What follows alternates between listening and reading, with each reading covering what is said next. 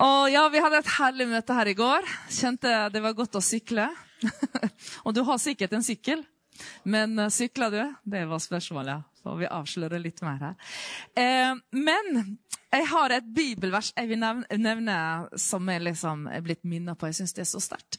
Jeg tror det bibelverset blir brukt mest inn mot det å ta opp kollekt. Men det er ikke bare det. Det er et veldig dyrebart eh, bibelvers. For det står i 2. Korinterbrevet kapittel 8 eh, så står det, Jeg kan ta fra vers 3. For de gav etter evne. Det kan jeg bevitne. Ja, de ga over evne av egen drift. De ba oss inntrengende om den nåde å få være med i fellesskapet i tjenesten for de hellige. Vers 5. Og de ga ikke bare slik som vi hadde håpet, men de ga av seg selv. Først til Herren, og så hverandre. Jeg vil stoppe litt der. Og jeg tenkte for deg, det å gi seg selv til Herren først, det er så viktig. For da, du, da, da, får du et helt annet tankesett. Da får du en helt annen overgivelse i livet ditt. Og da blir du en helt annen person. Og når du da er overgitt til Herren, så kan du få lov å gi deg selv til hverandre. I menigheten, til alt du sier ja til i Guds rike. Så blir overgivelsen til Herren og det å stå sammen en helt annen opplevelse. Så ser du, eh, Les også i vers 6 og 7. Så ba eh, vi Titus om å fullføre den gaven som han had, før hadde begynt å samle inn hos dere. Dere har jo overflod på alt. På tro, på ord, på kunnskap, på iver og på kjærlighet mellom dere og oss. Så bli nå rike også i dette kjærlighetsverk. Jeg sier ikke dette som et påbud, men ved å nevne de andres iver vil jeg prøve kjærligheten hos dere, om den er ekte. For dere kjenner vår Herre Jesu Kristi nåde, Han som for deres skyld ble fattig da han var rik, for at dere ved hans fattigdom skulle bli rike. Du vet, Dette her er sånn eh, bibelvers som er verdt å bare grunne på. Altså, Jesus ble fattig for at vi skulle være rike. Eh, materielt også, men i overskudd. Altså, du vet, Han er en giver. Vi skal ha overflod til all god gjerning. Jeg synes det er så fint. Dere har overflod på alt. På tro, Amen. Vi hørte mye om troen her i går. På kunnskap, på ord, på iver og på kjærlighet imellom dere og oss. Er ikke det flott? Dette her er virkelig forbildelig, noe vi kan strekke oss etter. Halleluja, det å stå sammen. Og, og alltid så elsker jeg å gjøre noe komme til troens liv. Vi har jo kjent hverandre jeg vet ikke, veldig mange år. Og vi har vært her, jeg kan huske For mange år siden så var vi her med traileren. Og det er sikkert 21 eh, eller 20 år siden. Vi var, her med, vi var på en sånn reiserute rundt om i Norge med traileren. og Da hadde vi med oss et team på var vi 20 stykker. og jeg tror, jeg tror vi, Dere husa alle 20. Og jeg hadde med hun yngstejenta mi. Hun var ett år da. Hun er 21 nå. Og vi, vi eh, ja, så, så, vi liksom har kjent hverandre, og dere har alltid vært så gjestfrie. Det har alltid vært så godt å stå sammen. Så vi har liksom stått sammen i mange år, lenge før himmel og hav også. Men dere har vært utrolig så Jeg vil nevne himmel og hav, for det er noe som vi tror Gud har satt på agendaen eh, til oppmuntring og til å få lov å se vekkelse forløst i nasjonen. altså. Amen. Og det opplever vi er veldig sterkt når vi kommer sammen der. Og dere har jo noen år kommet med jeg vet ikke hvor mange vogner, men det har vært helt, kanskje 200 vogner. liksom. Nei da. Men det har vært 20-30 vogner. Det har i hvert fall ja, vært veldig mange. Så dere har kommet, vært med, bidratt og stått med. For den satsinga som har skjedd på himmel og hav, det har vært helt hinsides fra Guds side. Han har velsigna det så. Det er, og det er ikke fordi at jeg og Jørn vi har tatt en skikkelig bra utdannelse i eh, prosjektering og gode ting, men uh, Gud har holdt sin hånd på det arbeidet, og det har bare blitt så velsigna. Og det har vært en veldig vekst, og i den veksten så trenger vi mer folk. Så her, Nå frir jeg til dere, og dere står jo med veldig. Men himmel og hav er 14. til 23. Eh, juli. Eh, og hvis du setter av den datoen og står med eh, som medarbeider, så hadde det vært så velsigna. For eh, kan jeg få lov å først og fremst se hvem har vært på Himmelhav?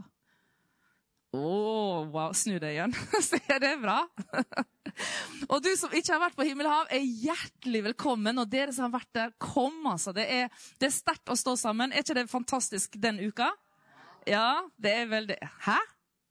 Ja! Er det bare jeg som syns det? Nei, det er så sterkt, altså. Og mennesker blir frelst, mennesker blir helbreda, og mennesker blir opptent altså, i tjenesten og livet med Gud. Det er fantastisk. Så vi er så takknemlige for den uka der. Eh, på 8. mars, kvinnedagen, så er det et møte på GKS som er medarbeidermøte til himmel og hav. Så da tenkte vi at eh, vi ville invitere dere som har lyst til å høre litt mer om det.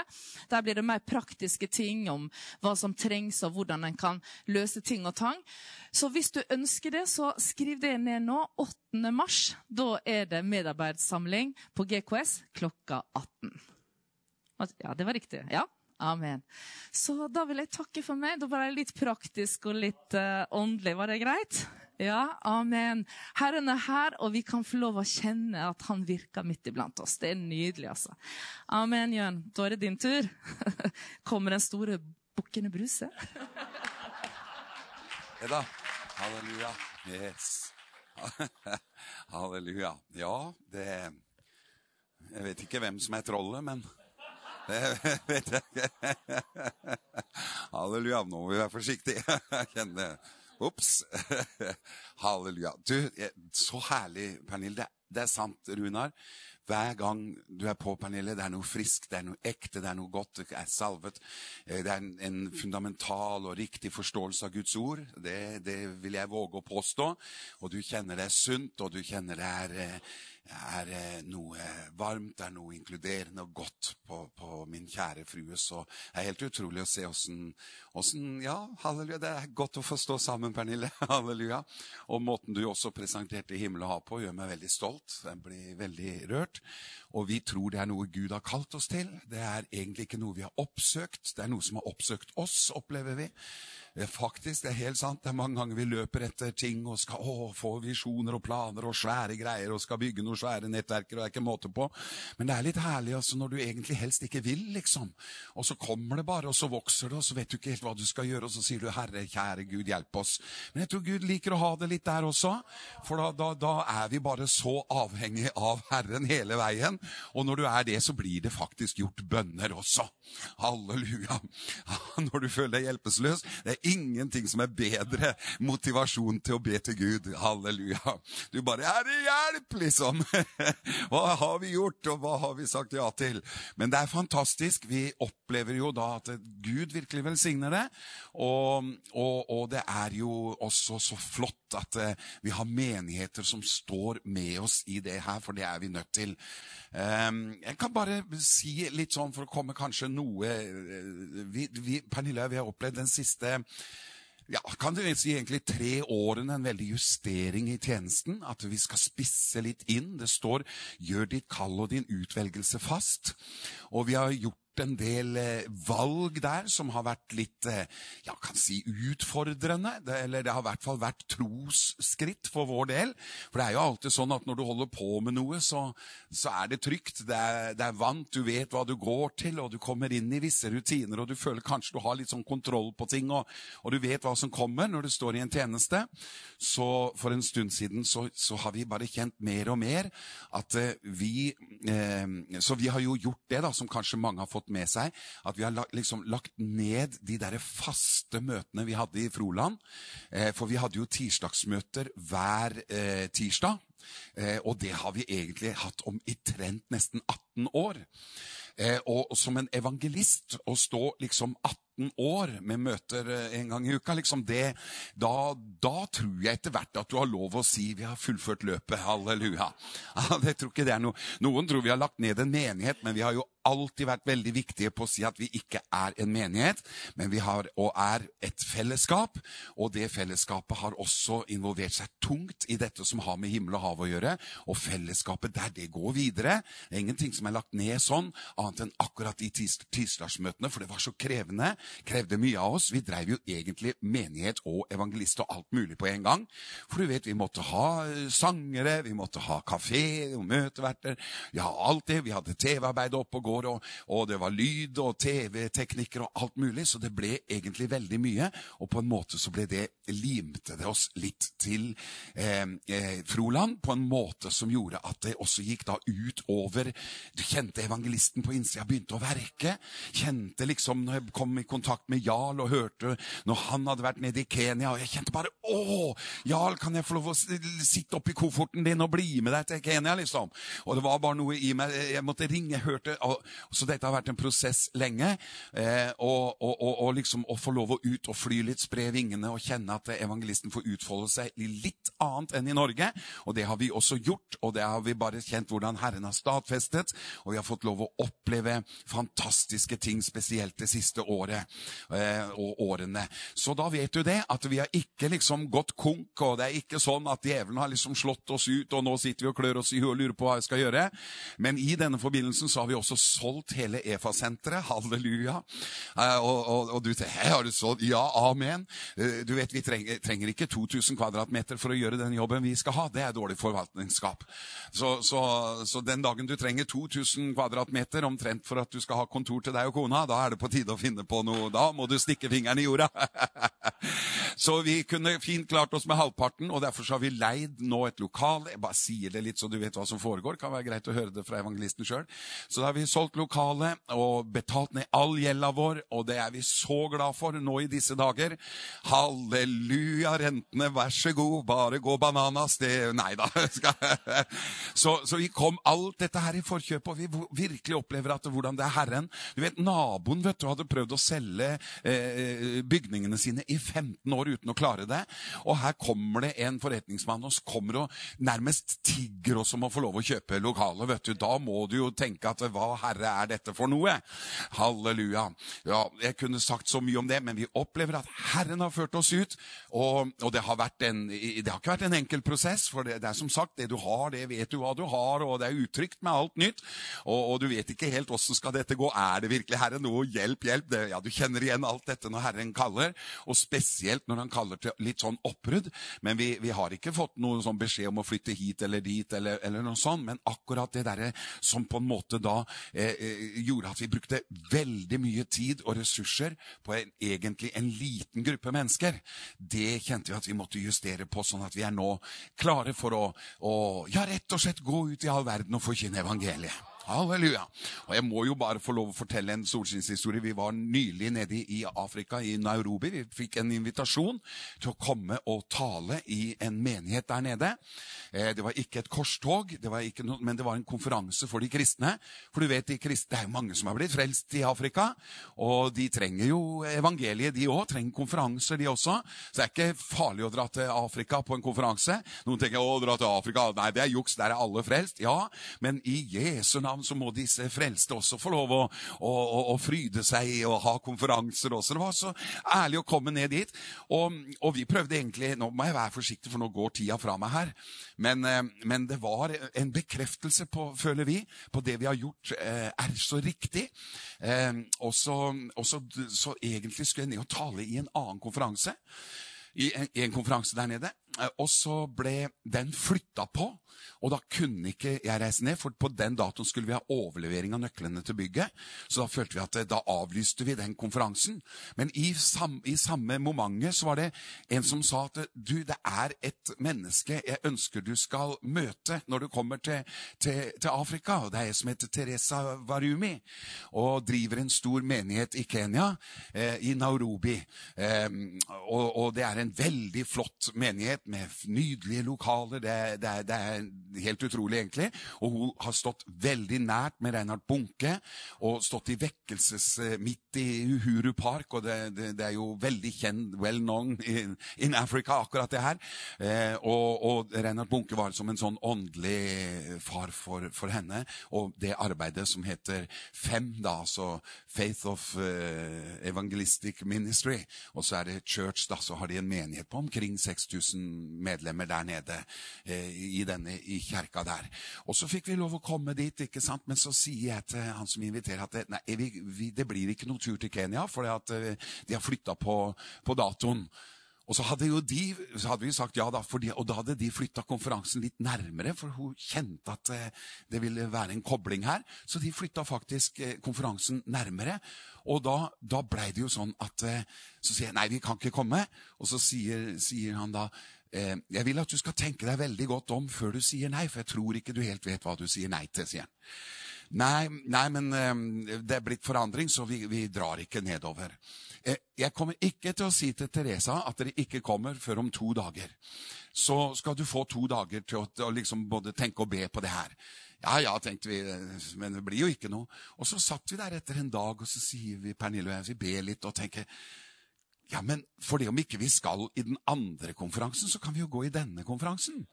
Det er jo, Hvorfor skal vi jo avlyse begge to når vi liksom Nei, vi sier ja. Og så sa vi ja da til å komme, og så dro vi ned dit. Og så, det ikke, Vi hadde jo ikke peiling helt på sånn opp, vi hadde hørt noen rykter om at presidenten kanskje skulle komme i møte der, og litt sånne ting. da. Så vi turte ikke å flagge for høyt med dette. og liksom Vi tenkte jeg har ikke president eller uteligger, det er samme av det, liksom. Um, så For Gud er alle like og alt sånt. Så det, ja, så, men, men, så dro vi ned. Jeg må ta korten.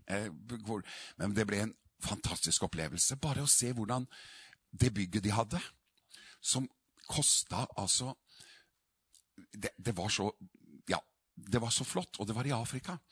Eh, og, og, og de, de, sier at til sammen så hadde dette kosta 2,3 milliarder kroner. De bygningene der. Svære, flotte ting. Og det var nedbetalt. Det var gjeldfritt. Og da tenkte jeg hæ? I Afrika er det mulig. Her bor vi i verdens eh, rikeste land, og så gjør de noe sånt. Og De hadde en sånn respekt for Guds hus, og de ga inn. Og det var, eh, For hun er av den klassen som mener at Gud fortjener det beste. De er ikke blitt sånn griske eller havsjuke. Der gikk masse fattige. Vet du hva de gjorde i konferansen? Det var 15 000 mennesker i konferansen. De ga gratis lunsj til alle som kom på konferansen.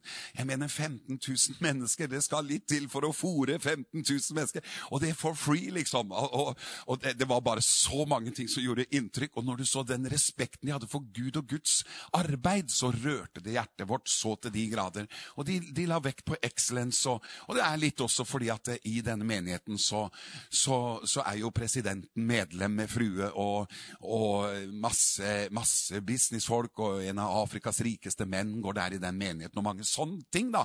Så det var visst eh, ikke bare helt sånn. Så det var, og da tenker noen ja, var det bare for fiffen og sånne ting. Nei, nei, der var det rik og fattig om hverandre, og ingen liksom skula på hverandre. eller var, Det var en sånn nydelig enhet, men det var rom for alle, og det var fantastisk å oppleve. Så når vi kommer inn og skulle da eh, i et møte der, så, så kom jo da presidenten med frue, og den israelske ambassadøren kom der, og forsvarsministeren og finansministeren kom der og satte seg på første rekke, og der satt vi liksom på første rekke og ble geleida fram og, og, og liksom tenkte hva har vi jo For vi visste ikke helt omfanget. Eh, så ble vi stående der og så synge og sånn og vente, og det kom masse sånne folk med krøller i øra, holdt jeg på å si, sånne eh, greier, og det var veldig stort sikkerhetsoppbud. Og så plutselig så kom jo da disse regjeringsfolka inn med masse kameraer og, og, og folk som liksom filma de og løp oppover midtgangen. Og så kom, kom, jo store deler, det var holdt av på midtpartiet, et sånt stort, åpent, tomt felt, og der kom de og fyltes opp med regjeringsmedlemmer og alt mulig sånn. Og der satt de. Og, og, det som greip hjertet mitt, det var det at de, de tenkte ikke nå er vi celebert besøk her, så nå må vi liksom roe oss litt, så ikke vi skremmer de bort. Men det var full halleluja! liksom allikevel, vet du. Og det var ingenting sånn hensyn at nå må vi liksom oppføre oss her, for nå er presidenten av Kenya på møte. Nei, det var, det var, det var bare Du skulle sett han låsangslederen Det var liksom full pakke. Og, og, og så kommer de jo da fram, og så kommer etter hvert presidenten fram, og så sier de inne på kontoret der etterpå så sier de at eh, vi må jo si noe til dere. Um, fordi at um, som, som, ikke de går så høyt ut med, men er dere klar over at hver eneste dag i parlamentet eller i der de samles, så blir det gjort bønn for hvert eneste sete for alle politikerne. Hver morgen har de bønnemøte, og de ber for alle setene der politikerne sitter. Så blir det gjort forbønn. Og, og, og, og det er hver dag. Og så sier han, og vet dere hvem som er forbønnslederen? sier han. Nei, jo, det er presidenten. Halleluja. Halleluja. Så presidenten er forbønnsleder. Han er jo en evangelist. Halleluja. Um, og han, jo, han har jo reist og er en evangelist samtidig. Og det er jo så sterkt at dette kommer inn og, og, og, og, blir sånn. Og så var jo møtet over, da, og så skulle vi til å gå. Så plutselig kommer det jo noen sånn da, med sånn krøll i øret her og, sier 'Kom, please, kom her', kom her, og, ble, sånn geleida. Så ble vi geleida opp, og så var vi en, en, en, seks eller sju stykker da, som kom inn i et rom, og der satt jo presidenten. Og så 'Vær så god, sitt ned', og sånn. Og så kommer han der, og så sier han det at 'Jeg har tre ting jeg ønsker at dere skal være med og be om'. Og så legger han fram tre ønsker som virkelig toucha hjertet mitt. For en statsoverhode å ha som hadde virkelig nød for nasjonen sin sin og kom med bønnesvar. Og vi ble sittende der, og, og han ene gikk bort og begynte. Så sier Herren over presidenten. Jeg tenkte å, ro deg litt ned nå. Det kjente jeg til og med at jeg var litt norsk, liksom. Og de profeterte over presidenten der, og vi sto der og sånn. Og så, ja, så til slutt, da, så, så skulle vi bli geleida ut igjen. Så sier han ene som var der, Jens Garnfeldt var en av de som var der faktisk også. Og så, og så sier han Do you realize that you just spent an hour with the president of Kenya? sa han til meg. Nei, Nei, sa jeg. så, så, da gikk det litt sakte opp for meg at eh, Oi, Gud, hva, hva, er det som skjer? For, for, for, vi var ikke forberedt på dette. Ingenting. Og, og, så, og så, var det bare sånn at da kjente vi eh, at Herren virkelig eh, stadfester det at vi har Her har vi sagt opp, her har vi solgt bygningene, her har vi gjort oss klar for å dra ut. Og så er det som om Herren sier vi har en, en, en bedre plan for dere. Halleluja. Så, så, vi er så takknemlige til Gud. Um, og, og og jeg må jo bare si at det, det, det, er så godt å se at det er ikke bare noe vi Ja, vi føler at det er en ny tid, og, og sånn så er noen bekymra for at vi skal reise fra Norge fullstendig. Men nei, Norge er nok vårt hovedsoknekall. Det er her vi, vi, kommer til å stå på post og være med, og derfor vi, har vi kjent vi må holde fast på himmel og hav. Det er virkelig noe vi bærer i vårt hjerte og ber for hele året og forbereder og, og tror er en viktig både del av vår tjeneste og også for noe av det at det kan være en plattform for vekkelseskristendommen og, og finne grobunn og, og, ekspansjon og være med og fyre opp vet du, på vår høyhellige tro. vet du, Så så at vi bevarer troen på litt mer enn lave terskler. Skal vi si et amen til det? Halleluja! Vi tror på høy vannføring. Amen. Jeg tror mye mer på en høy vannføring av Den hellige ånd enn en lav terskel. Men om terskelen er lav, så kommer vannet inn under terskelen allikevel. Har du sikkert lest om. Amen. Nå er det litt farlig for meg å snakke, men, men, men nei, for det, dette passer egentlig inn i talen, faktisk. Så det, det var jeg glad for. Og så vet jeg, så, så, må jeg jo bare si Jeg kan være litt sånn personlig, og jeg er det. Og noen ganger så sier Pernille at nei, men la justere litt og sånn, for hun har litt mer visdom enn meg på en del ting. Jeg er sånn åpenhjertig og sier alt, og noen blir misunnelige og andre ting og sånn. Og noe burde ikke vært sagt, og kanskje noe kunne vært sagt, men, men mye kunne vært sagt om det. Men, eh, men, vi opplevde også eh, liksom ja, når vi da solgte senter, sånn, så fikk vi jo også en del sånne partnere som tenkte åh, hva skjer nå? Nei, nå, nå vil de ikke være partner med, for nå er de jo ikke på TV. Og, og, de var mer med som en slags TV. vet du, For akkurat nå vi, har vi tatt en pause fra alt som har med TV å gjøre, og det er nydelig. Halleluja! Det er godt. Det, folk ser bare den bluffet der, men det er så mye bak der, så vi kjenner at eh, vi får tid til bønn, vi får tid til så mye spisse inn på ting. Men vi har all TV-utstyr utstyr og alt utstyr. Alt er der. Vi har leid et lokal, vi har satt det på plass. Så det er ikke noe annet enn bare akkurat det som tok så mye tid og fokus og krefter av oss med disse faste ukentlige møtene som vi har nå liksom lagt på is der.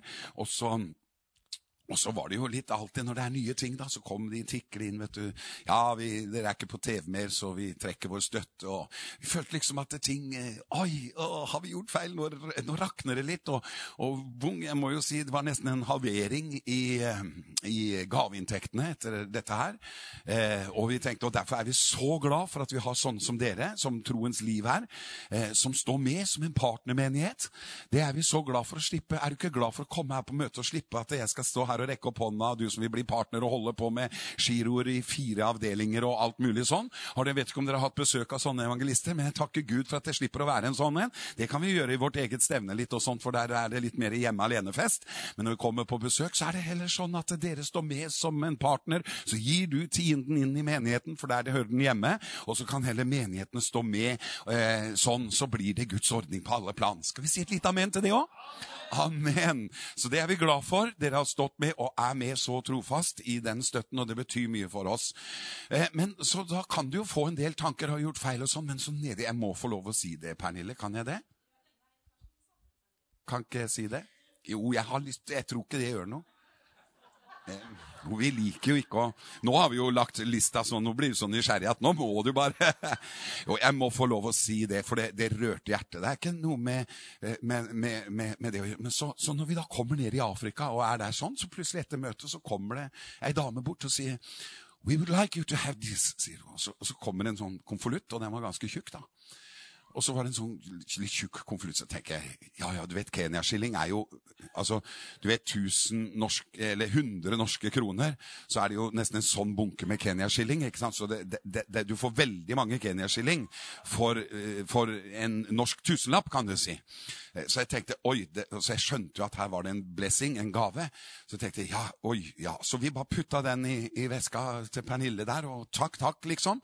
Og, og, tenkte ikke noe mer på det før vi kom på hotellrommet. Og så, og så åpner vi denne konvolutten, da.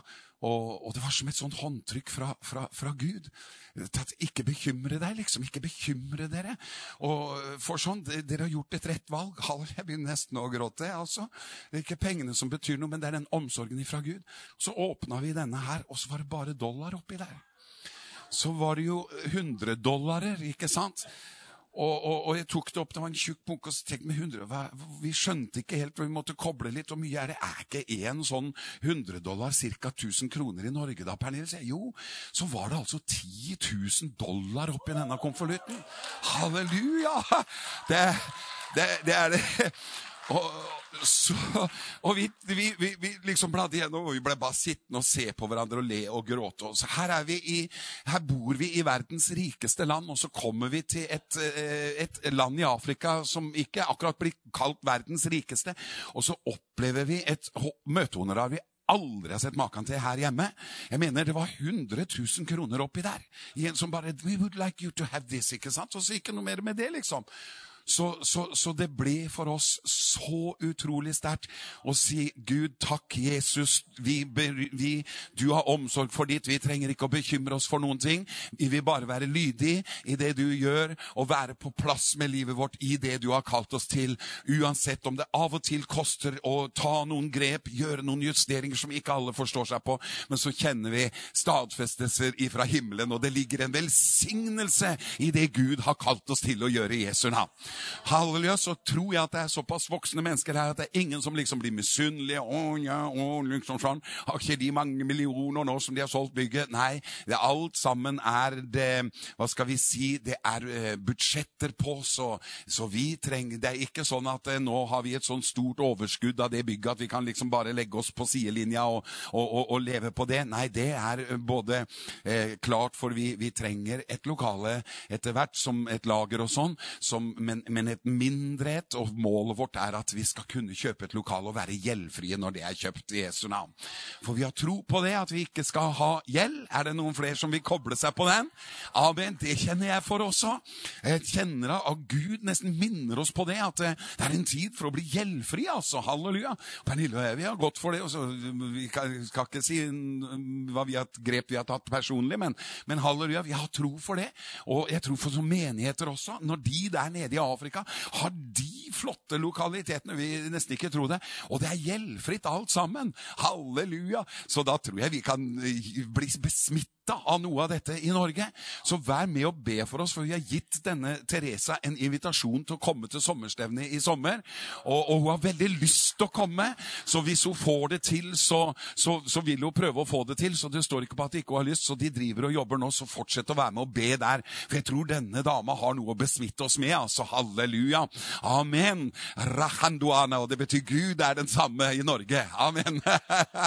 Halleluja.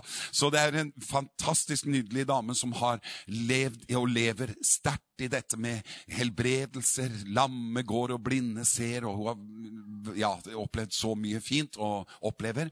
Og så er det så herlig. Så det er viktig å være på plass med Gud, ikke sant? Halleluja. Og det var litt det jeg hadde lyst til å si, så nå har jeg nesten sagt det jeg skulle si. Eh, men så kan jeg sy dette sammen med, med, med den, det ordet som vi også fikk her eh, her eh, til, til denne, disse møtene. Og Pernille vi var litt i bønn og samtale. Og så kom dette som jeg har talt om for mange år siden, og opp igjennom. Dette med Adam. 'Hvor er du?' var et rop i Edens hage. Og det ropet tror jeg går ut i vår tid nå. Adam, det betyr jo menneske. Hvor er du? Og det var jo etter syndefallet, etter at Adam og Eva de falt i synd. Og så kom de da på grunn av det på utsiden av Guds gode plan for deres liv. Gud hadde én plan, eh, og den ble brutt, kan du si. Den ble forstyrra i Edens hage på, i, på grunn av syndefallet. Eh, og jeg, jeg, har litt lyst til å snakke om dette med da omvendelse, ikke fra sånne nødvendigvis spesifikke synder, men i forhold til å være på plass i det Gud har for oss. Jeg tror det er så viktig nå at vi er i det, det, det, det. Å, halleluja! Åh, jeg kjenner og jeg tror Gud og himmelen bare lengter etter at vi som tror på Han, vi har visjoner, vi har, vi har eh, oppgaver. Gud har en spesifikk plan for hver og en av oss. Han har et kall på livene til oss alle sammen. Og jeg tror virkelig at det går ut et rop i åndens verden som sier, 'Adam, hvor er du?' Og det var det vi fikk så sterkt i bilen og på veien og, og hjemme også. At det, det ropet tror jeg går ut sånn kollektivt over nasjonen. Jeg tror Gud vil ha oss inn i den planen som han har for oss. Og vi er nødt til å justere oss inn i det nå. Og den justeringen kan du godt kalle omvendelse. Halleluja. Sånn at ikke, sånn som vi, for eksempel. Tenk om vi hadde bare fortsatt å stå der oppe fordi vi, som vi var kommet inn i noe. Det var trygt, det var godt. Og det skjedde jo også en del ting som ikke var så trygt. Og, og, men alt dette bare fikk oss til å våkne opp. Og midt oppi det hele så hadde bare Gud Gud eh, han kalte på oss til å utvide teltpluggene. Noen tror nesten at det var en slags eh, eh, 'Å ja, nå er det så fælt der nede. Det gikk i stykker for dem.' Nei, nei, nei. nei, nei. vet du, Av og til så er det sånn at Gud tørker ut elven Kritt. vet du. Merka du at den tørka ut? Og hvorfor tørka den ut, da? Jo, for at profeten skulle komme seg videre.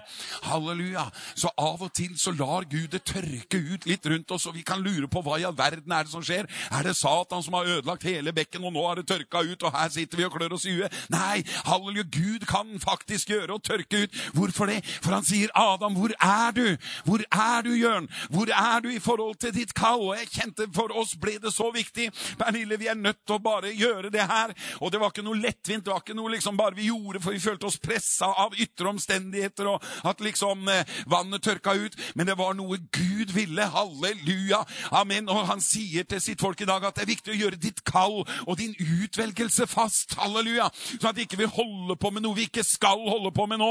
Det har vi ikke tid til, dere. For Gud har en plan for Norge og for verden i, før han kommer igjen. Og det er viktig nå at vi er på plass. Derfor så tror jeg det at Adam og Eva, vet du, halleluja, de fikk et kall ifra himmelen. Hva var kallet? Det var å leve i samfunn med Gud. Det var kallet til Adam og Eva. De var, de var kalt til å være gjenstand for Guds velsignelse. Halleluja. Halleluja. Enkelt og greit. Er ikke det deilig å være kalt til det? Så sier noen dette er noen herlighetsteologi. Ja, jeg håper virkelig at det er en herlig teologi. For vi har jo herlighetenes herre, herlighetenes far, og han er fremdeles full av godhet. Han ønsker å velsigne oss. Han har frelst oss. Han har gitt oss alt vi trenger i Kristus Jesus. Så mange som Guds løfter er. I ham har de fått sitt jag ut til ære ved oss. Gud, han har velsignet oss med all åndelig velsignelse i det himmelske. Ja, hva med det timelige, da? Jeg vil at du i alle ting skal ha det godt, liksom din sjel og din ånd og din kropp. Gud har omsorg for hele mennesket. Halleluja. Amen. Og Guds godhet var at han skapte mennesket i sitt bilde, og så skapte han hele jordkloden full av trær, blomster, jeg mener eh, orkideer. Jeg skjønner ikke helt dette med kaktuser. Kanskje de kom etter syndefallet, hva vet jeg. Men, eh, men kan det være de, noe Jeg tror ikke djevelen kan skape noe, så de hadde sikkert en fin hensikt til et eller annet. Men eh, det, jeg, tror, ikke det er en forfallen orkidé heller. Men Gud skapte, og det står og Gud så at det var godt. ikke sant? Det var noe godt, det var noe nydelig. Og, og jeg skal avsløre én ting. Jeg klarte til slutt å lure med meg Pernille på, til et sted som heter Maldivene, hvis det er noen som har hørt om det, for noen år siden. Og, og, og det, var, eh, det, var, egentlig Vi hadde en sånn bursdagsfest og fikk noe penger der i en 50-årslag, og var det. Og så dro vi til en øy, vet du. Bare en sånn palmeøy langt ute i Indiahavet eller nede i et eller annet sted, Maldivene. Og, og, og, det var sånn som du bare ser på film. vet du, En sånn liten øy. Og så bodde vi omtrent på stranda i en sånn, sånn egen sånn greie. Så var bare et ja, ti meter å gå. Og så var det bare på med snorkel, og så var det bare korallrev og, og, og, fisker i en verden vi ikke kan forstå. Og vi lå der i 14 dager og bare kosa oss og snorkla og bare slappa helt av. Og så så mye rare, gode, fine fisker. Og vi tenkte på har du virkelig brydd deg om å skape alt dette under vannet? Vi kan ikke se det engang. Og så står det at vi skal råde over fiskene og alt som vrimler i havet. Og du skjønner ikke hva det er her i Norge. For her har du båndulke, torsk torsk og flyndre, liksom. Ikke sant? Det er det vi har her. Så, så, det er ikke det samme opplevelsen av å snorkle i Norge, liksom. Det kan jeg bare si. Går, går ti minutter mellom hver gang du ser noe som beveger seg nedi der, liksom. Og der var det noe, liksom! Og det var bare tanga som Ja. Men der, det vrimla. Jeg trodde noen hadde mista hårbåndet sitt, vet du, for det var en sånn lang, sånn gul, nesten gjennomsiktig sånn bånd som var så tjukt, og som lå sånn. Og så plutselig begynte det båndet å svømme. vet du. Så da tenkte jeg oi, oi, oi. Det fins bedre enn Bergljot, liksom. Halleluja. Og det, og det, var veldig flott, og, og, det var en oppdagelse for oss. Og, og et minne for livet. Kommer aldri til å glemme det. Og når du så palmene der, og så da skjønner du nå at Gud skapte alt dette. Og han sa 'se, det var godt', ikke sant? Halleluja. Det var noe nydelig over det. Og Gud sa 'gå ut og legg jorden under dere, og fyll jorden og bli mange'. Og derfor er det ikke feil å dra på ferie. Gå ut og legg jorden under deg. Halleluja. Så noen har nesten gjort det til noe uåndelig å dra på ferie, vet du. Men nei, nei, nei. Gud hvilte på den syvende dagen, og vi er skapt i Guds bilde. Vi trenger hvile av og til, og, og da er det godt å gå ut i denne verden og, og se hva som fins. Det er så mye vakkert. Og alt dette designa Gud, og så plasserte han mennesket midt oppi all den herligheten. Og så sa han, gå ut, legg den under dere, utforsk, spis, et, drikk, eh, kos dere. Og så var de der gjenstand altså da for Guds godhet. Og mennesket var designa for å bli overøst av Guds velsignelse. Han skapte mennesket, og så står det han velsignet dem. står det. Halleluja. Og velsignelse betyr å være fruktbare. Det betyr at vi skulle være fruktbare i alt vi legger våre hender til. Skal han velsigne dine henders verk, ikke sant? Derfor er det så viktig at hendene dine gjør noe, så han har noe å velsigne. Halleluja. Amen. Noen folder hendene og tror at han skal komme og velsigne dem. Nei, han skal velsigne hendene dine når du får de opp av foldene og begynner å gjøre noe med de. Halleluja. Halleluja. Amen. Det er da det kommer velsignelse. Halleluja. Amen. Så, så, det er viktig å gjøre noe, for da har han noe å velsigne, nemlig dine henders verk.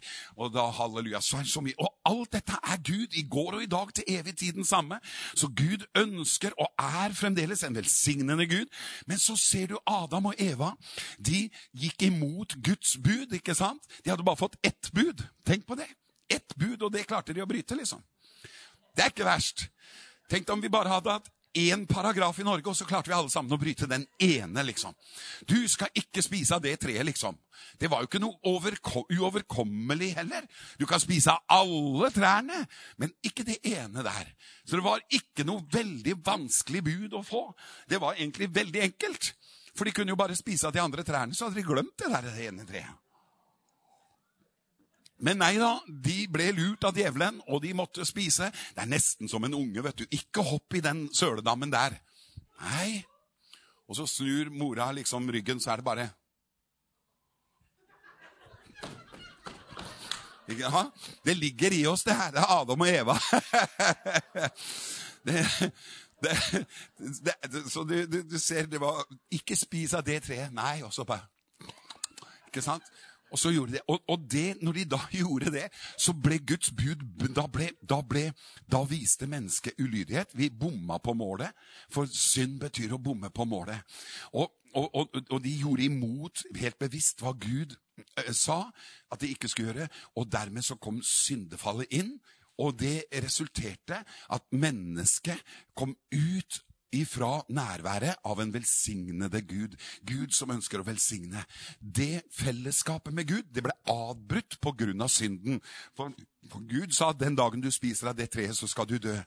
Det betyr ikke at han satte eplebit i halsen og døde, men han, han, han ble adskilt. Eh, død betyr adskillelse, så Gud kan du også oversette deg med. Den dagen du spiser av det treet, det betyr egentlig den dagen du går imot det jeg har sagt, så, så, så skilles vi fra hverandre. Og hvorfor det? Var ikke det en voldsom konsekvens da? Jo, for da var det ikke det at Gud sa nå gjorde du det som vi ikke har med deg å gjøre. Nei, det var vi som snudde Gud ryggen. Det var jo hele greia. Det var ikke Gud som åt av treet og, og, og, forsvant. Men det var Adam som brydde seg ikke om det Gud sa, og viste i handling at det Gud sa, er ikke så viktig. Så vi valgte på en måte bort det Gud hadde sagt, på en måte. Og det er klart at det skiller oss ifra Gud. For Gud er en hellig og rettferdig Gud, og han ønsker å velsigne oss. Men da er det betinget at vi er i hans nærvær der han velsigner oss. Sånn at vi er i, i, i hagen vår, da, som Gud hadde planlagt. Og du skjønner, Gud har en slags eden hage for oss alle sammen, skjønner du. Og Gud, du er designa, og Gud har en plan for deg. Og han ønsker at den skal være i nærværet av han som velsigner velsigner deg, og han som fyller alt i alle. Halleluja. Så du har på en måte et slags eden som Gud har designa deg for, hvor du hører hjemme der sammen med Gud, i samfunnet med Gud, og blir gjenstand for Guds velsignelse i Jesu navn. Til ånd, sjel og kropp. Halleluja. Vi er hele mennesker, og Gud har omsorg for hele mennesket. Amen. Halleluja. Kanskje det lugger for deg, men da må du se å få klippa håret. Halleluja. Du, dette her er eh, veldig egentlig sånne sterke ting. Så, så, det var synden og syndefallet som gjorde at mennesket ble adskilt fra en Gud som bare ønsker å velsigne. Derfor så er det ikke Gud det er noe galt med, men det var mennesket som ikke brydde seg om å eie Gud i kunnskap. Vi ville heller ha kunnskapens tre, og så forsvant vi og viste ulydighet.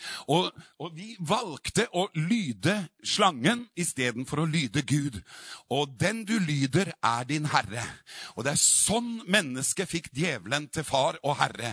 For vi valgte å høre på slangen istedenfor å høre på Gud. Og det var mennesket Adam og Eva som tok det valget. Ikke Gud som straffet dem, men det var mennesket som Det blir jo Gud som straffet dem på en måte, da, men, men, men hvis du har de brillene på, så kan det fort bli liksom litt feil. For det var ikke først og fremst Gud som ønsket å straffe, for Gud ønsker jo å velsigne. Han skapte jo jorden, og alt var godt, og han satte mennesker å råde over Gå ut, legg jorden under dere. ikke sant? Så her ser du at Gud han ville jo velsigne, men så valgte vi altså djevelen. Og han han er bare kommet for å stjele velsignelsen og myrde og ødelegge alt det Guds planer er for oss. Og Derfor er synden noe vi burde hate så inderlig, for synden har fremdeles den effekten at den ønsker å ødelegge det samfunnet og den velsignede planen planen Gud har for ditt liv. Amen.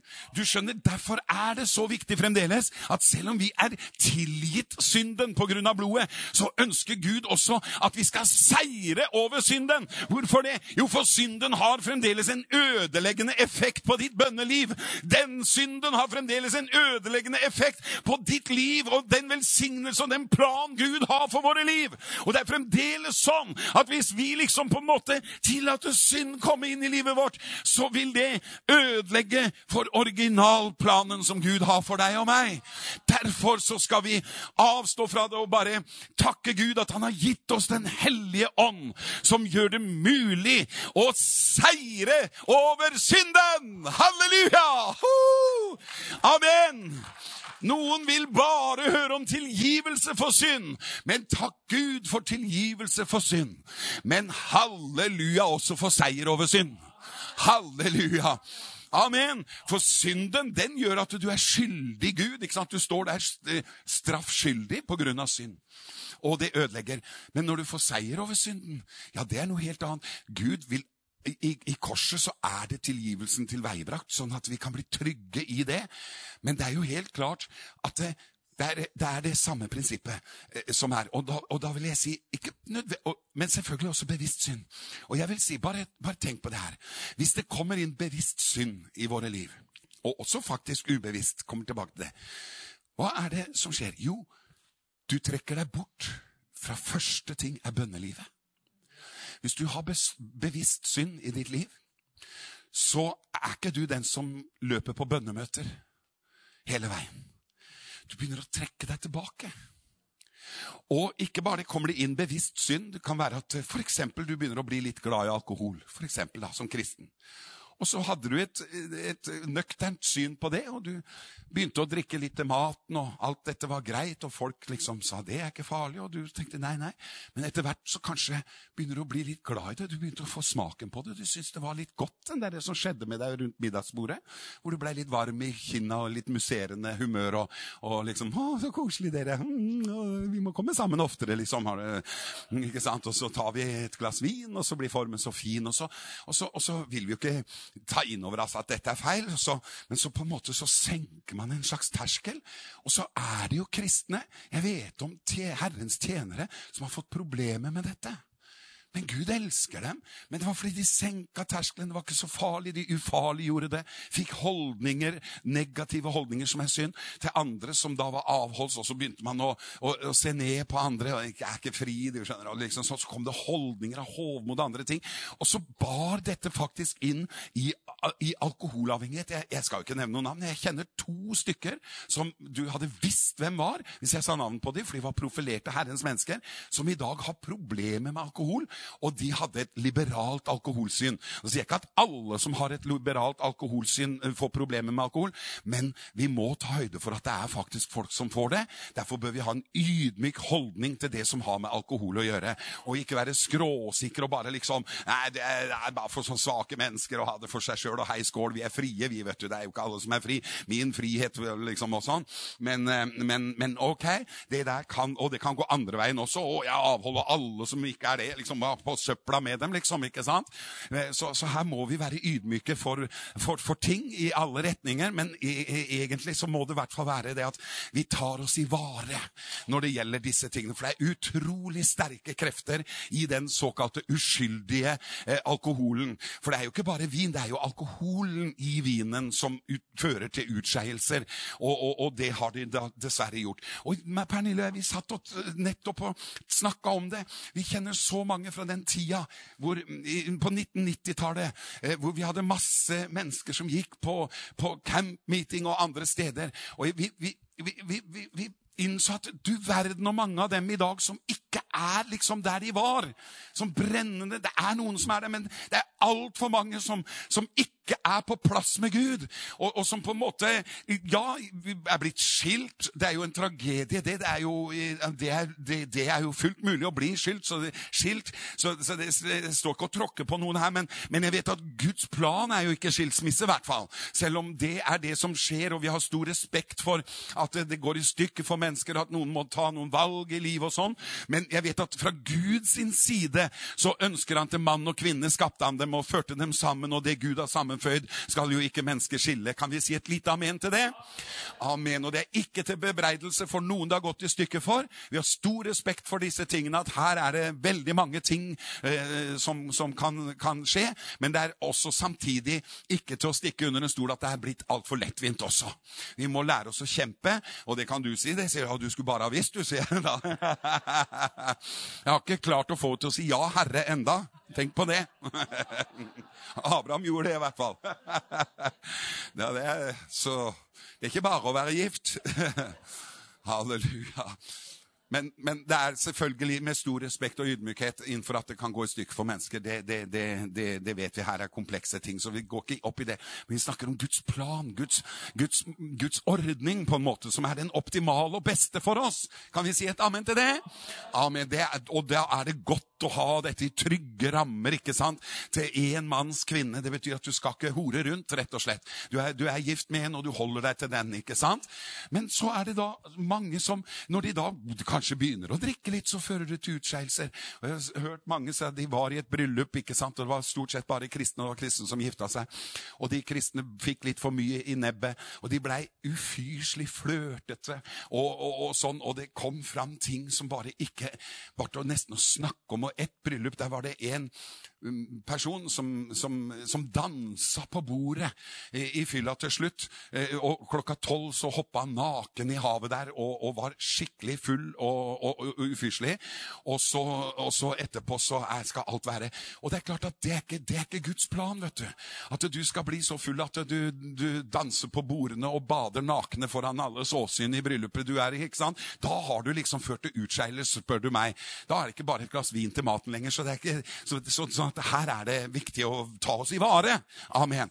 Og mange av våre venner er skilt de er på grunn av nettopp alkohol kom inn, flørting, det ble utroskap, og, og, og, det ble ting. Og det er jo klart at det kan skje selv om du er frelst og født på ny, og Gud elsker deg og har tilgitt deg alle dine synder. Men nettopp derfor så vet vi at selv om Gud tilgir denne synden når sånt skjer, så ønsker han jo selvfølgelig at ikke den synden skal være i våre liv. Kan vi si et amen til det? Og Derfor har vi bl.a. fått Den hellige ånd. Sånn at ved ånden dreper vi disse gjerningene. Halleluja. Så det er fullt mulig. Vi skylder ikke kjødet noe, så vi skulle lyde dets lyster, for vi har fått Den hellige ånd. Halleluja.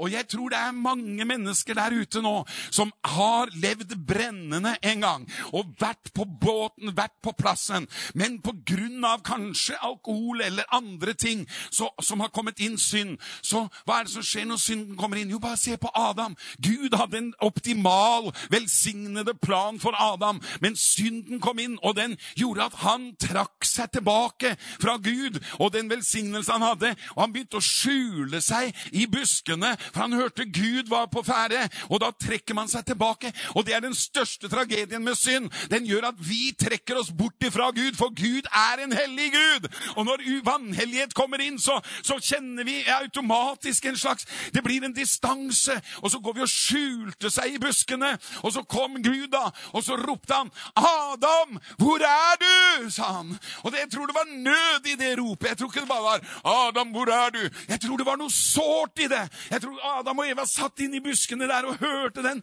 sårheten i Guds stemme. Ja, men menneske, hvor er du nå, da? Hva har skjedd? Han skjønte det jo, men han ropte på Adam. 'Hvor er du?' Og så sier 'Vi hørte din røst i hagen. Å, vi ble redde. Å, du, for du er jo så hellig. Og vi var uhellige, og vi var nakne, så vi skjulte oss. Og så sier Gud, hvem har fortalt deg at du er naken og skyldig? Har du nå spist av treet? Ja, du skjønner. Og så begynte han å skylde på alle andre, vet du. Det var kvinnen du ga meg. Å, det var pastoren du ga meg. Å, det var menigheten du ga meg. Å, det var naboen du ga meg. Å, det var disse vennene som dolka meg i ryggen. Å, det er det som Å. Og så blir det bebreidelse i istedenfor omvendelse. Og du skjønner, der trakk han seg tilbake, gjemte seg. Og vet du hva? Vi, vi så på det. Disse menneskene som det går i stykker for. De holder seg borte fra bønnemøtene. Det er det første. Du kan egentlig se det på at de begynner å sette seg lenger. Unnskyld for dere som sitter på bakerste benk nå. Det kan være både praktisk og god grunn til det, men, men, men forstå meg allikevel. Veldig ofte kanskje folk som var på liksom, og, og, og, og var eh, engasjert og, ivrig og, var, stilte seg disponibel og liksom var tent i brann. og Kjente bare 'yes, come on, vi går for vekkelse' og står med. vet du. Selv om ikke alt er helt på plass, så står vi med og sørger for at alt kommer på plass. Halleluja. Halleluja. Å, jeg kjenner vi berører noe viktig, betyr det. Amen. Og så trekker man seg mer og mer tilbake. Du kan se at de begynner å trekke seg, sette seg litt mer sånn bak, ut i, i sidelinjen og sånn, og så til slutt så bopp, så er de borte fra møtene. Og så bopp, så begynner de med noe sitt eget greier, og så bopp, så er det borte. Og så bopp, så sitter de hjemme. Og så bopp, så kan de komme til og med å sitte der i et frafall. Og så er man ikke inne i det optimale, gode, velsignede stedet som Gud åpenbarer sin herlighet. Og det er faktisk også midt i menigheten. Kan vi si et amen til det? Halleluja! Å, det her er good preaching. Takk, Gunnar, at du har bestilt denne prekena her, Runar. Amen. Jeg får møtehonorarer på linje med Afrika for det greiene her. Bare vent til fakturaen kommer, så blir det Nei. Så blir det ikke bare halleluja. Jesus har en vidunderlig plan for menigheten, dere en optimal plan for menigheten. Og han har plassert mennesker i menigheten for å fullføre sin optimale plan. Vi vil aldri lykkes alene.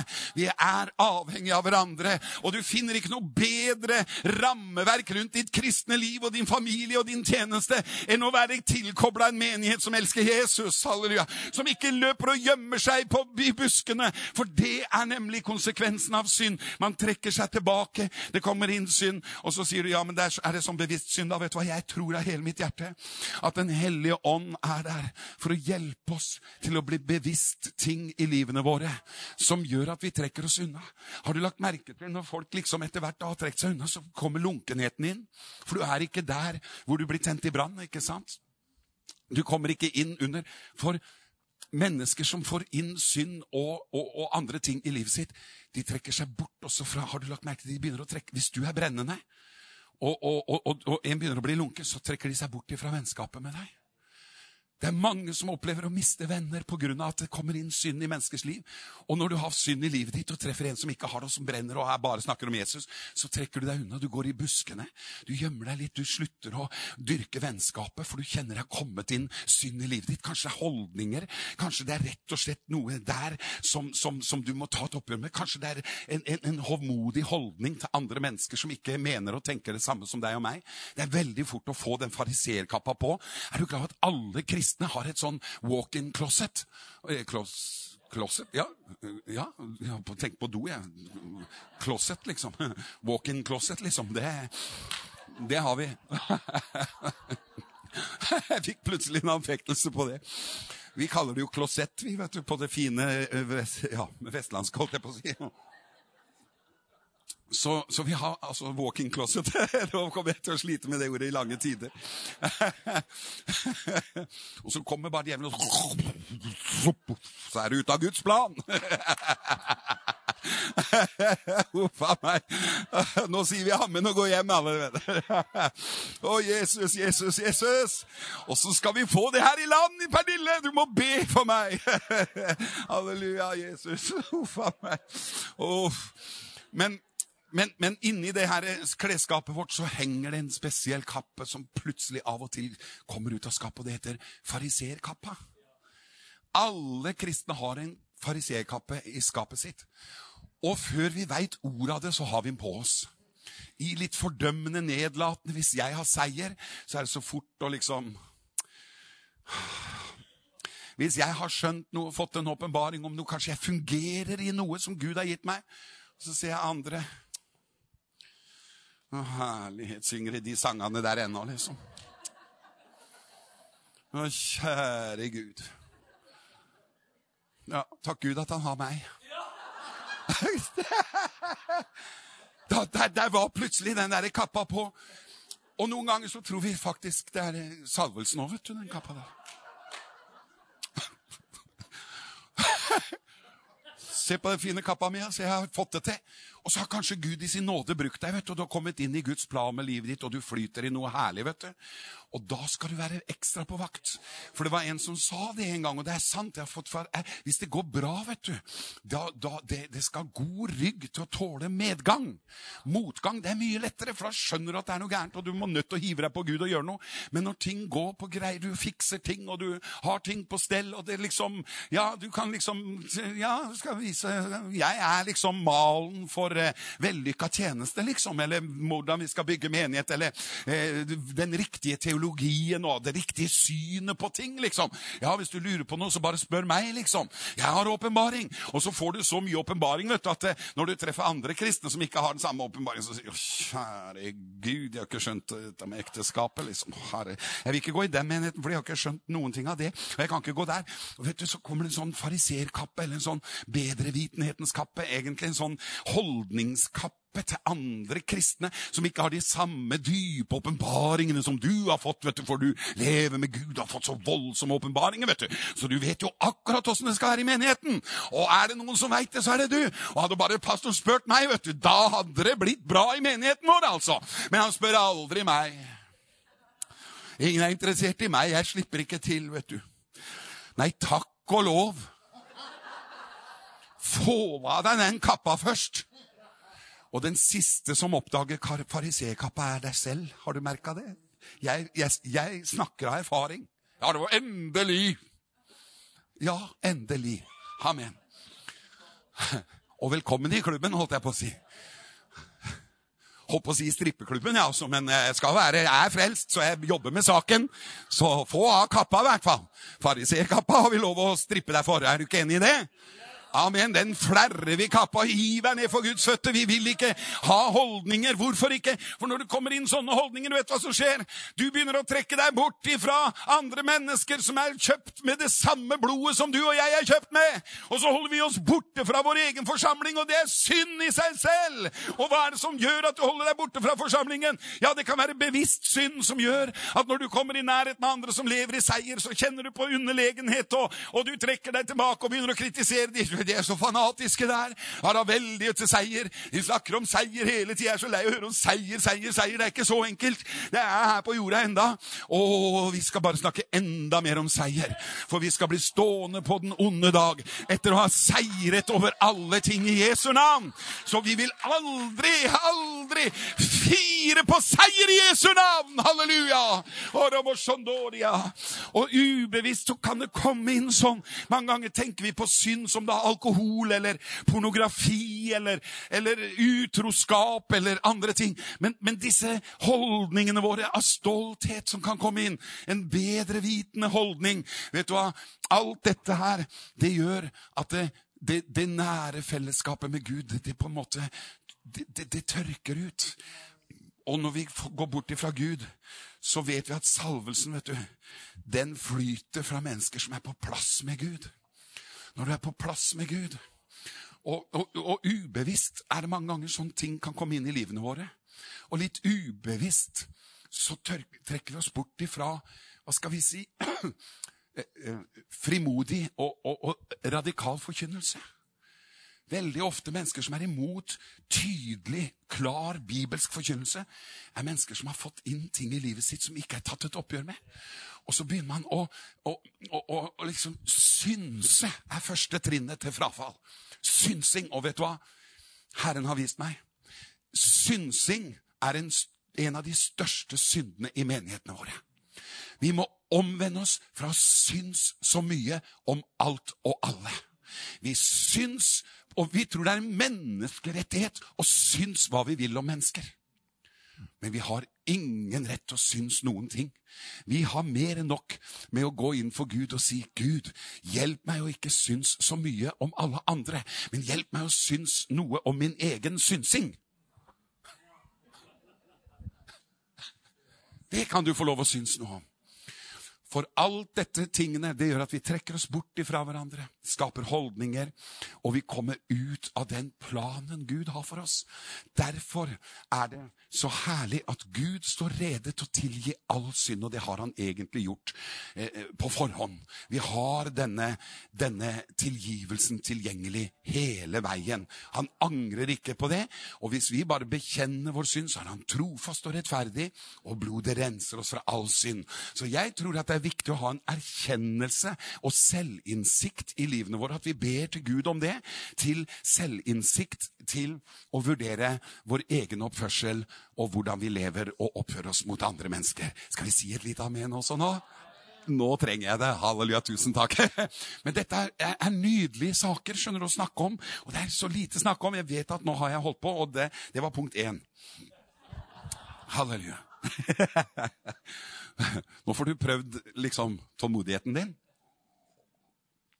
Var, vet du hva langmodighet betyr? Tålmodighet over en lang tid betyr det. Så når kona sier nei, nå er det slutt på tålmodigheten, så får du bare si, får skru over på langmodigheten. da. For det er tålmodighet over en lang tid. Tålmodighet er bare en sånn Du er tålmodig en kort tid. Men folk som er tålmodige over en lang tid, da er du langmodig. Det er et veldig fint ord. Og det må vi bære over med hverandre. og sånn. Men uh, nå var det en avsporing. Du vet, du vet det at det, Jeg er sikker på at du har mista venner. Noen ganger kanskje du har såra dem, og sånn. men så mister man også venner faktisk fordi du er på plass med Gud. Og når du er på plass med Gud, og en ikke er det, så er det akkurat som i Edens hage. Du trekker seg tilbake litt.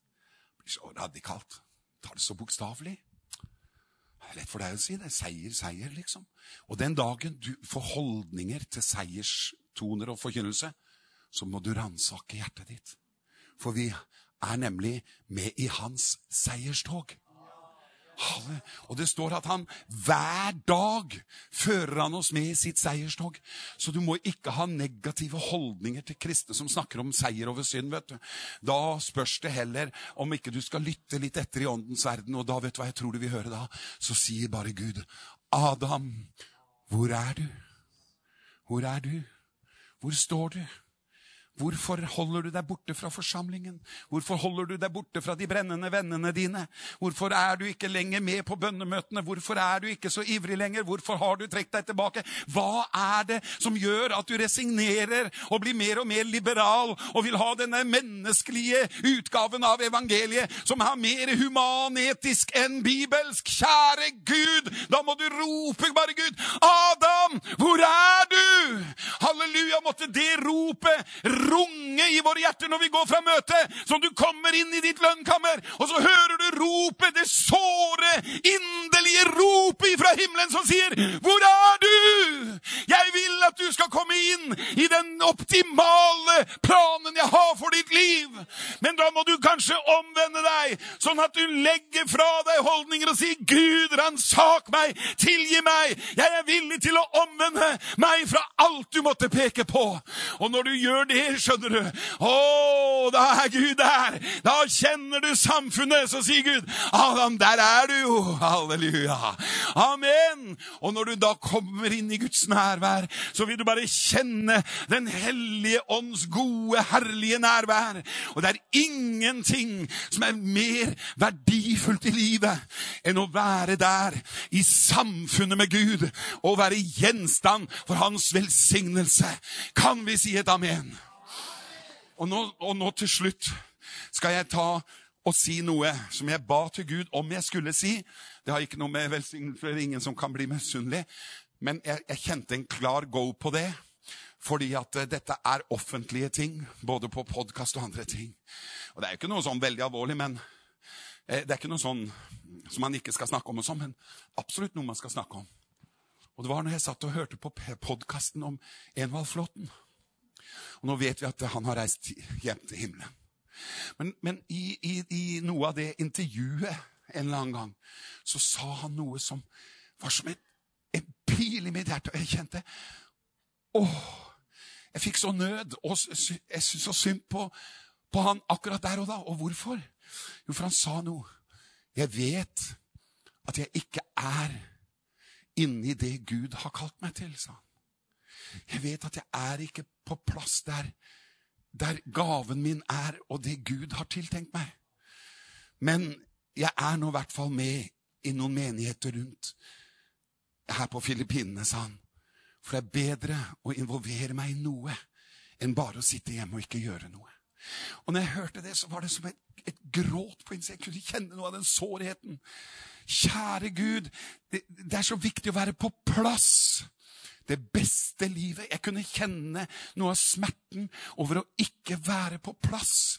Ikke være rett med Gud. For vi vet jo alle at det var en gave på den mannens liv. Og at Gud hadde en optimal plan for han. Og jeg skal ikke være for bråkjekk her, men han sa det selv. Jeg vet at det ikke er der Gud har tiltenkt meg å være. Og jeg tenker, la oss ikke oppdage det, venner. At plutselig kan det komme inn. og skal ikke jeg definere hva som kom inn. Det er ikke det får Gud ta seg av med han. Men jeg vet at han selv sa jeg vet at jeg er ikke helt der Gud. Det er ikke dette Gud har for meg. Og jeg kjente å nei, la oss ikke, venner, bare være sånne mennesker som kommer på siden av den planen Gud har for våre liv. Og da vet jeg hva kan hindre det. Og da var det dette ropet som jeg tror går ut. Adam, hvor er du? La oss søke inn til Gud, for han har banet en ny og levende vei like inn i helligdommen på grunn av Jesu blod. Så nåden gjør dere at vi kan søke inn for Gud. Ikke bare at vi har nåde til å komme fram for Gud, men der, på den nåden, har vi nåde til å finne både nåde og hjelp i rette tid! Halleluja! Gud, hjelp oss at vi er på plass nå, venner! Og jeg kjente før møtet at du er her, og du må komme på plass med Gud! Gud nå, sånn at du kommer inn i den planen som Gud har originalt for oss. Det er så viktig at vi kommer på plass. Og da er det noen ganger at vi må kanskje omvende oss fra noe, sånn at vi er der og kjenner Å, nå er jeg der hvor Gud har kalt meg til. Det kan være som Pernille og jeg, vi måtte gi slipp på noe. Vi måtte være villige til å gi slipp på hele dette EFA-senteret på en måte. Hvorfor det? Fordi at liksom, liksom Nei, men vi kjente det var noe der. Er det riktig å bruke så mye tid og krefter og økonomi på, på et, et, lokalt sted, og så er du evangelist? Så måtte jeg bare kjenne nei, det er egentlig ikke det. Men det var jo smertefullt. Vi har mange gode venner som stolte på oss og stoler på oss. ikke sant? Vi følte på en måte at vi tok ifra de noe. Noen kanskje ble forvirra, men heldigvis så er det ingen som ligger i kjølvannet etter oss. Halleluja. Alle vi har hatt rundt oss, har vi passa på at de er i en forsamling eller har det bra med Jesus. Halleluja! Og noen er til og med hjemme hos Jesus. Halleluja for det òg, faktisk. Men det skulle jo ikke vært sånn. Men nå ble det sånn. Vi var nettopp i begravelse hos en god venn for et par dager siden, som også var der. Og vi har et fellesskap, og vi ønsker jo selvfølgelig det videre. Men dere, det å være i Guds plan, det er så utrolig viktig. Og derfor så kalte Gud på Adam og sa til ham, 'Hvor er du?' Og, og hvis du er litt våken, den som har øre, han hører hva Ånden sier til menigheten, da tror jeg Gud sier, 'Hvor er du?' Og da kan du tenke på din gave som forkynner, eller som en annen tjeneste i Guds rike. Jeg vet ikke hva Gud har kalt. Kanskje han har kalt det til å bli misjonær? Og så er vi mer opptatt av å bli millionær. Ikke sant? Sånne, sånne ting som det. Da vil du bli en sekk second hand, på en måte. En, en sekundærplan. Altså, det blir ikke det optimale. Det, det blir Det går an å leve på en måte ikke i det Gud har skapt deg til og tiltenkt ditt liv til å være. Og der har vi ikke tid til å leve, venner. Jeg tror jeg har fått gjort meg jeg tror jeg har gjort meg forstått her i dag. Og jeg grua litt, for i går så hadde vi sånn veldig her... Jeg grua ikke egentlig, for dette er veldig herlig. Men i går hadde vi et litt annet type møte. Hvor det var liksom bang, og det var herlig sånn. Men så kjenner jeg også Så, så sier jeg til Pernille at det, i går var det et sånt veldig inspirasjonsmøte. Og jeg elsker inspirasjon. Men så sier Pernille ja, men det blir det på dette òg. For jeg sier jeg har et litt mer sånn kanskje det er herlig med inspirasjon, men vi trenger faktisk også litt korreksjon av og til. Så vi kan ikke bare leve på sånn amen og halleluja, men det skal vi ha. Og det, for en predikant er det det nydeligste budskapet, for da er alle fornøyde. Til og med kjøttet er fornøyd i menigheten når du har en sånn skikkelig halleluja-greie. Men når du har mer et sånt møte som dette, som kanskje ikke treffer alle, men kanskje noen, og det til og med kanskje treffer litt sånn Mm, oi, ah, oh, nei, au. Men nettopp derfor så kan du få lov å finne nåde og hjelp. For det Gud har behov for oss alle sammen. Vi trenger å stille oss tilgjengelig og si, 'Gud, hva er dine planer for mitt liv?' Og kanskje, kanskje stolthet, kanskje hovmod, kanskje noen fariseriske ting, kanskje, kanskje, kanskje, uvitenhet, kanskje bare at du durer i gang uten å be til Gud og spør hva du skal gjøre. Kanskje du bare til og med har en, en, en, en ambisjon istedenfor en visjon. vet du. Hvis du løper med en ambisjon ambisjon istedenfor en visjon, så kommer du til å bli så frustrert. Da er det mye bedre å komme på plass og koble med noen som har en visjon, enn at du skal live og løpe med en ambisjon. Men noen ganger så løper folk med en ambisjon fordi de ikke er fornøyd, for de syns så mye at nei, jeg syns ikke det skulle, det skulle vært sånn og det skulle vært sånn. Men det er jo sikkert det at ting kunne vært gjort annerledes mange ganger. Men det viktigste er hva har Gud kalt deg til? Hvis Gud har kalt deg til å være pastor, så for Guds skyld, sett kurs for det og kom inn i det. Halleluja, har Gud kalt deg til å være evangelist, så for Guds skyld, fokuser det inn, spiss det inn og kom på plass, sånn at du kommer rett med Gud. Har Gud kalt deg til én ting, så ikke prøv å gå inn i noe annet, bare for det kan se så forlokkende ut, det kan se så liksom eh, bra ut, og du tenker mange ganger om oss forkynnere, så ser de bare den stunda vi står her. Men du ser ikke dolkene vi bærer i ryggen, du ser ikke alle synsingene vi må nødt til å tåle. Det, det, du, du, du vet ikke helt. Søk ikke noe annet enn det Gud har salvet deg til, for det er det du kommer til å takle når stormen kommer. Da er du salvet til å takle det. Og passe på at ikke det kommer inn noe som helst i våre liv av hovmod eller stolthet bare fordi Gud bruker oss. Nei, Gud i himmelen, han bruker knuste og brutte kar som ydmyker seg for Gud og sier, 'Gud, jeg takker deg for nåden', men Herre, jeg vil ha hjelp i det som hindrer bønnelivet mitt å blomstre. Og jeg skal si en ting. Er det noe som har utslokka mange bønneliv, så er det Internett med pornografi. Det har utslokka ånden og bønnelivet i så mange kristne at det er ikke til å snakke om engang. For når du snakker om det, så tenker folk 'Å, han sliter med det', ja. Ja, jeg syns Derfor er det mange predikanter som ikke tør å berøre det. Det var stort sett bare Steve Hill som berørte det greiene der. Og fordømmelse Nei. Du vet, det er så tilgjengelig alt i dag på nettet. Vet du hva, For noen år siden så, så satt jeg bare og tulla sammen med en venn. Og så skulle vi, skulle vi, søke på noe, for han var på kjør og han, han sleit litt. og sånt. Så se her nå, sa han. Og så søkte han inn 'Hvordan bygge en amfetaminfabrikk', skrev han på nettet. Pop! Der kom hele oppskriften opp på nettet. Hadde det skjedd, Sverre, når jeg var ung, da hadde, jeg, da hadde det eksplodert. Da, da hadde vi gått i lufta, tror jeg på kjøkkenplatene på hjemmet, for du kunne faktisk lage dette her på, på, kjøkkenet hjemme, men det var også en viss eksplosjonsfare rundt det hele. Men der var oppskriften på nettet, du. Du kan finne hva som helst på nettet. Oppskrifter. Bomber og, og granater og narkotika og, og, og, perversiteter i alle verdens eh, fasiliteter. Det, alt er der så tilgjengelig. Før så var det jo sånn utrolig skambelagt. Hvem turte å gå på Narvesen og kjøpe et Vi Menn, liksom? Det var noe du ikke gjorde, liksom, for det var Ikke sant? Mens nå kan du bare trykke på den der tastaturet og få hva du vil, liksom. Og det er ingen som ser det. Og dette har sniket seg inn, og jeg vet at dette her, det har gjort at mange trekker seg bort fra bønnemøtene. De trekker seg tilbake fra de som lever i seier, for du blir, inn, du blir egentlig på en måte in, informert om din egen backsliding. Og derfor så er dette så aktuelt på så mange ting. Og det er ingenting som utslokker ånden og bønnelivet sterkere enn bevisst synd. Men sannelig er det ikke bare bevisst synd.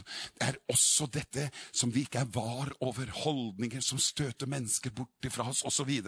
Alt dette gjør at det, det, kommer på en måte en slags avstand der som gjør at liksom noe av gleden forsvinner, og herligheten blir borte. Hva gjør vi da hvis det blir sånn? Det er jo så enkelt. Det kan være tusen skritt bort fra Jesus, men det er bare ett skritt tilbake. Halleluja. Halleluja. Det er bare en bestemmelse å si, 'Gud, jeg kapitulerer'. Gud, jeg er villig. Jeg vil ikke leve på sidelinjen av den velsignelse og fullkomne planen som du har for meg. Jeg vil inn i mitt eden. Herre, her er jeg. Og da når du stiller deg framfor Gud, vet du hva han gjør da? Da slakter han lammet. Halleluja, der er lammet.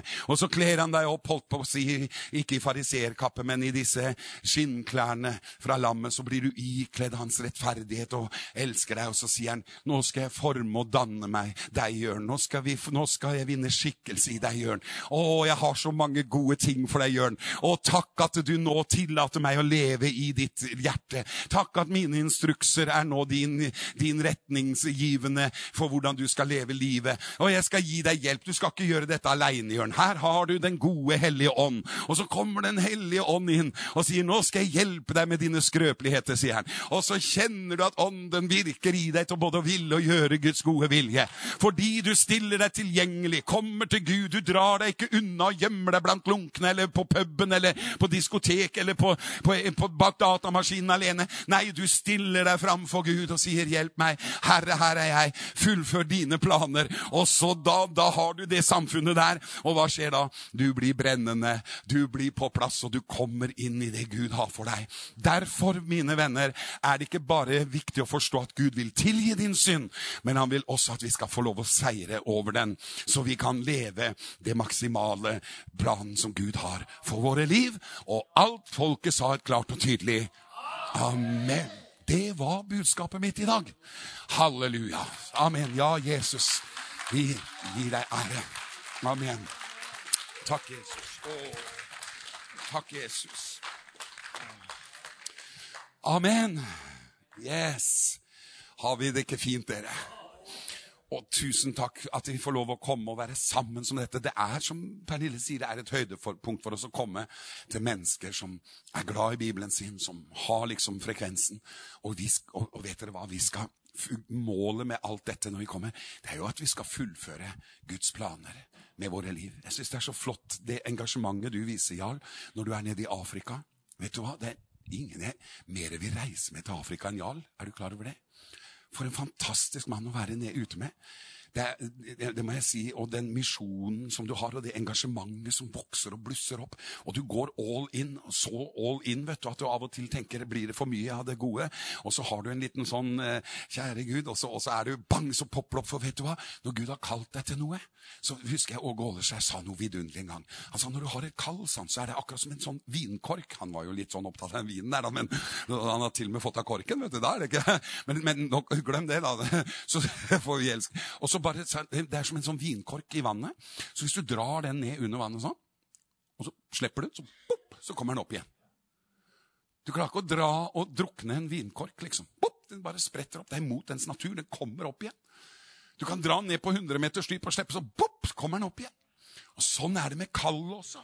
Djevelen kan komme og dra deg ned. vet du. Kan, å, da er ikke du verdig lenger. Og så drar han deg ned, og så med en gang slipper taket, bopp, så kommer det tilbake igjen.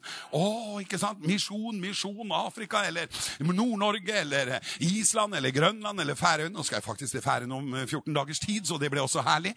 Vet du hva? Det Gud har kalt oss til, det vil alltid poppe opp igjen i hjertet ditt. Og har ikke Gud kalt deg til det, så vil det være bare en sånn engangsgreie. Som, var, da var det bare en idé som kom. ikke sant? Å, det er et, en, en, en, ambisjon, ikke en visjon, en ambisjon, den, den flyter ikke. Nei da, med en gang litt motstand, så blupp, og så drukner den, og så forsvinner du. Men er det en visjon, så blir du dratt ned og slipper det, bopp, og så Å, der er det tilbake. Det er noe som Du kan ikke la være. Det er det Gud har kalt deg til. Halle, følg det, min venn. Sikt inn på det. Og ikke stå i, i, på sidelinjen eller på, i, ute i, i periferien, men kom på plass med Gud. Fullfør løpet. Vi har et vei å løpe alle sammen, og det kan være ting som ikke vi ser. Og la oss være ydmyke innenfor Gud og Den hellige ånd og si 'hjelp meg, vis meg og form og dann meg'. Og da kan jeg si 'god tur inn i endetiden'. Du kommer til å bære rike frukter i Jesu navn. Amen. For siste gangen nå, da. Å, min Jesus. Jeg tror vi skal bare be litt til slutt her nå. Kanskje dere kan komme og spille litt. Å, Jesus. Jeg tror det er en hensikt når en får sånne type budskap på så kanskje til og med Kanskje til og med dette budskapet er spesielt for deg som hører på denne podkasten. For du, du sitter nå der du sitter, nettopp fordi at ikke du er her. Fordi at du har kjent på egne nederlag. Du har trukket deg tilbake. Og, og, og, du føler deg misforstått. Du føler at eh, folk har svikta deg. Og du har liksom følt at du har rett til å trekke deg tilbake. Og du sitter faktisk der hjemme og venter på at noen skal ringe på døra og komme og be om tilgivelse. Men vet du hva, det kan godt skje, og kanskje det burde ha skjedd også. Men Gud sier, 'Hvor er du?' Hvor er du? Slutt å skylde på kvinnen du ga meg. Slutt å plassere ansvaret på alle andre. Kanskje det er nettopp det som har gjort at du sitter der skjult for det nære fellesskapet med Gud, det intime forholdet med Gud. Kanskje du sier det var pastoren du ga meg. Det var vennene du ga meg. Det var all omstendigheten djevelen kom med. Vet du, alt dette er en del av livet. Vi må ha hjelp til å takle mange ting i livet. Det gjør vi bare ved å søke inn for Guds ansikt og si, 'Gud, hjelp meg'. Slutt å skylde på alle andre. Jeg kjenner at det er noen som skal slutte å skylde på andre. Det derre kvinnen du ga meg, det må du bli kvitt. Ja, men du vet ikke, jeg er blitt sviktet på det mest alvorlige. Ja. Men hvor er du og Gud? Hvor er du med ditt fellesskap med Gud? Ikke hva som du føler at har dratt deg bort fra fellesskapet, men det er bare du som kan gjenopprette det fellesskapet. Og da må du stille deg framfor Gud og si, 'Her er jeg'. Og så tar du initiativet til gjenopprettelse. Og jeg kjenner det er ikke rett å holde seg borte fra sin egen forsamling. Jeg tror det er viktig å samle oss. Uansett hva du har måttet ha opplevd i en forsamling, så er tiden inne for å stille seg tilgjengelig og si, Herre, jeg vil fullføre mine planer med ditt liv. Og jeg vil finne tilhørighet, og jeg vil underordne meg, innordne meg etter dine prinsipper i Guds menighet. Jeg kjenner også at vi skal ta et oppgjør med å synes noe om alt mulig. Det kjenner jeg at vi skal sette en vokter ved våre tanker. For i Afrika, når jeg var der nede, så merka jeg hvilken respekt alle hadde for Guds hus og for Guds arbeid. Det var noe helt annet enn jeg ser her hjemme. Der, der, det betyr ikke at du skal bare gape over og sluke alt rått som blir sagt, og bare skal bli en sånn nikkedokke som sier ja og ammen til alt, og så bærer ting av sted. Men vi må ha en grunnleggende respekt for Guds hus og Guds arbeid i våre liv. Og hvis ikke Gud har kalt deg til å være pastor, så har du i grunnen ingenting med å synes hvordan en pastor skal oppføre seg heller, faktisk. Hva mener du? Hvis han oppfører seg på en måte, så går du og snakker med ham. Du setter deg ikke hjemme og snakker med alle andre. Det er det jeg snakker om. Den synsingen. Vi syns så mye at det, det fører oss bort. Det trekker oss tilbake. Og da er det ikke av Herren. Og jeg tror at i Norge så trenger vi virkelig å bare si, Herre, jeg legger ned alle mine meninger om alt mulig. For de meningene parkerer meg bort. Det driver meg bort ifra dine planer. Det er faktisk sammen vi kommer til å utføre dette verket med Jesus. Vi trenger å stille opp på bønnemøtene sammen. Vi trenger å stille opp og bygge Guds rike sammen. Vi trenger å utføre, utføre Guds plan og vilje og visjoner sammen. Og du har en plan og en komplett, optimal plan for ditt liv som bare du kontrollerer sammen med Gud. Og der er du initiativtakeren. Så kom på plass med Gud, og da blir det som Pernille sa, at vi unner oss, unner oss Herren. Vi ga oss selv først til Herren. Amen og så til hverandre, dere. Amen. Så da blei det Da snurpa vi det sammen med det bibelverset ditt, Pernille, så var det en fantastisk herlig tråd i hele denne tiden. Så la det være til en oppmuntring, til et wake-up call, til å si, Herre, eh, hjelp meg. Og, og, og, og jeg har jo sagt det før, jeg var på Maranatas landstevne for mange år siden. Vitna om at jeg var blitt løst fra narkotika. Så kom det en til meg og sa, jeg er også blitt løst, sa han. Og jeg tenkte jo med en gang på alkohol. Men jeg, Herren har løst meg fra sterke meninger, sa. Og jeg kjente wow. Og i ettertid så har jeg tenkt jeg blei bare løst fra narkotika. Men tenk å bli løst fra sterke meninger. Hadde en mening om alt og alle. Og hvis ikke alt stemte med hans meninger, så hadde han en, en ånd av forkastelse og avstand. Det var liksom ikke bra nok. Og så blir du parkert på utsiden. Du blir ensom ettersom årene går. Helt til du innser at 'oi, jeg er visst en sånn sjefssynder'. Ved at du er en sjefssynser. Så omvender man seg fra synsing. Så kanskje du, Herren minner om at du skal gå og si til noen 'Kan du tilgi meg at jeg har syns så mye om det du gjør, og hvordan du gjør det, og sånn. Bare tilgi meg det. Og så kan du kjenne hvordan Gud bare med en gang Du kommer du på plass, vet du. Så kjenner du det deilige, nydelige, herlige salvelsen flyte igjen, for den flyter ifra oppriktige, knuste, opphøyde hjerter under Guds vilje. Halleluja, Jesus. Takk deg, Jesus. Takk, Herre, for at det er håp for oss alle. Takk at du forkaster ingen av oss, Herre. Å, Herre, om vi har vandret tusen skritt bort ifra deg, så står du bare og roper 'Hvor er du?' Og så får vi lov å ta ett skritt ut av buskene, Jesus. Halleluja! Og så er du der og møter oss uten bebreidelse. Uten at vi må gå 10 000 skritt tilbake igjen. Kanskje vi må, må be en eller annen om tilgivelse og gjenopprettelse, eller i hvert fall søke tilbake og opp, gjenoppta kontakt og vennskap.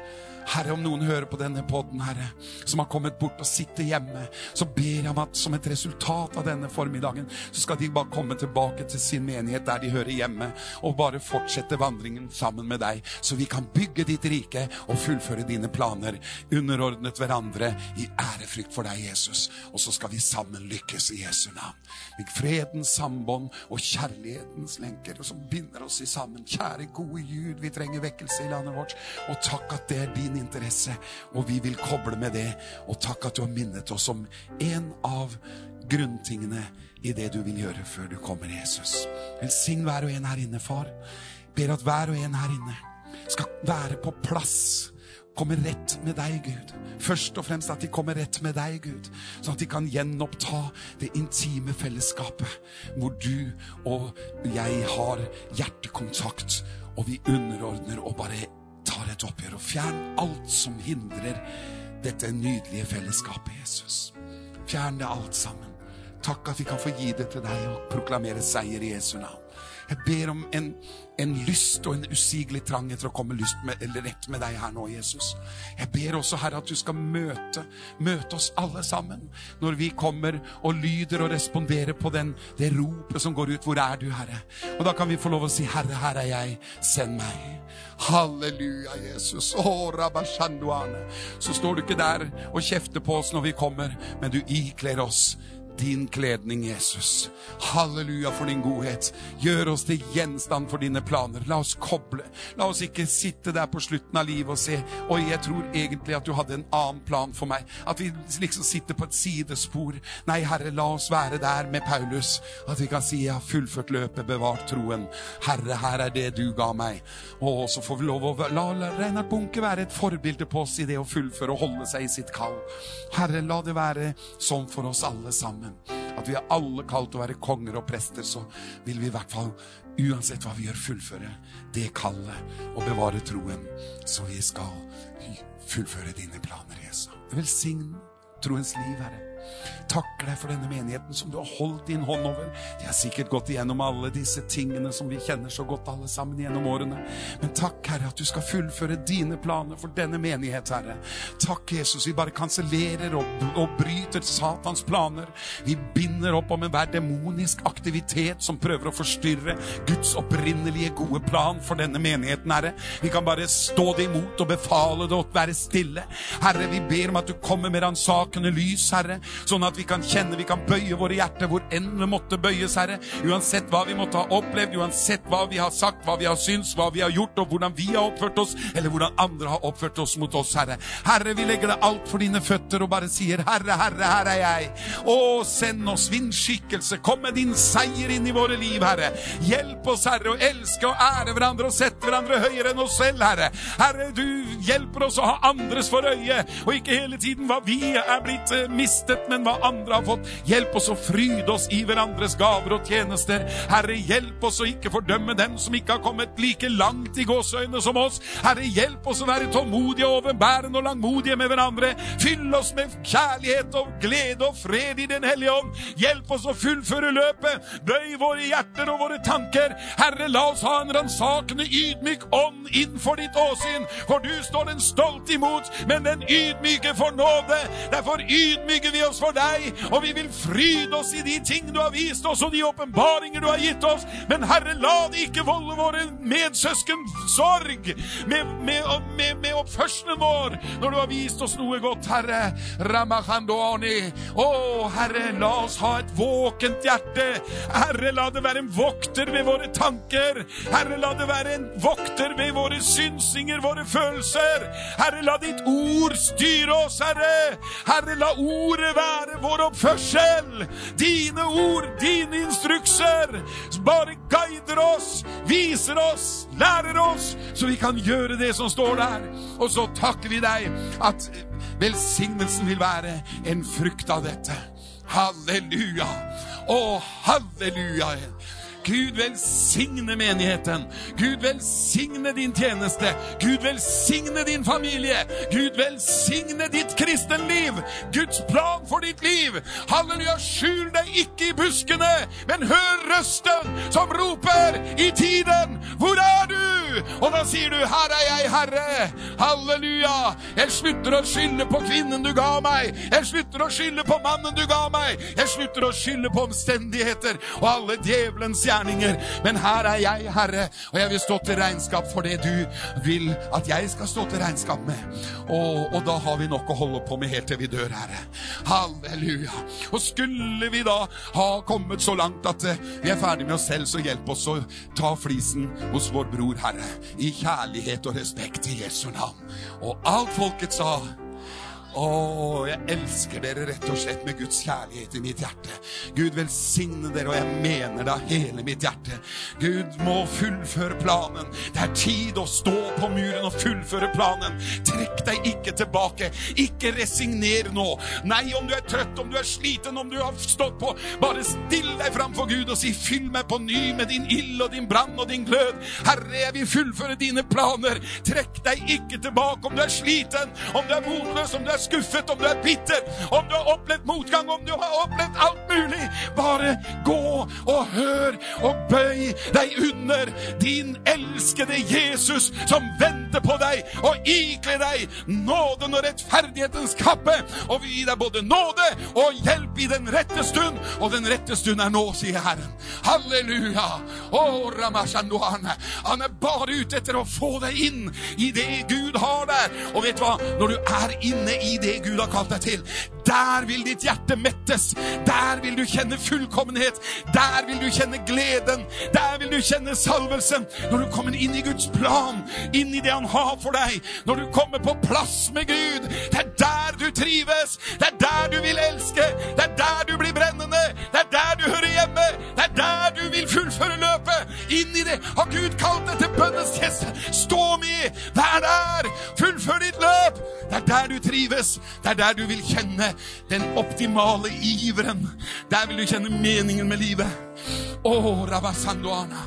Sitt ikke hjemme og se på serier, men kom og la oss be til Gud og søke Guds åsyn. Halleluja. Herre, vi takker deg for landet vårt. Herre, vi priser deg for Norge.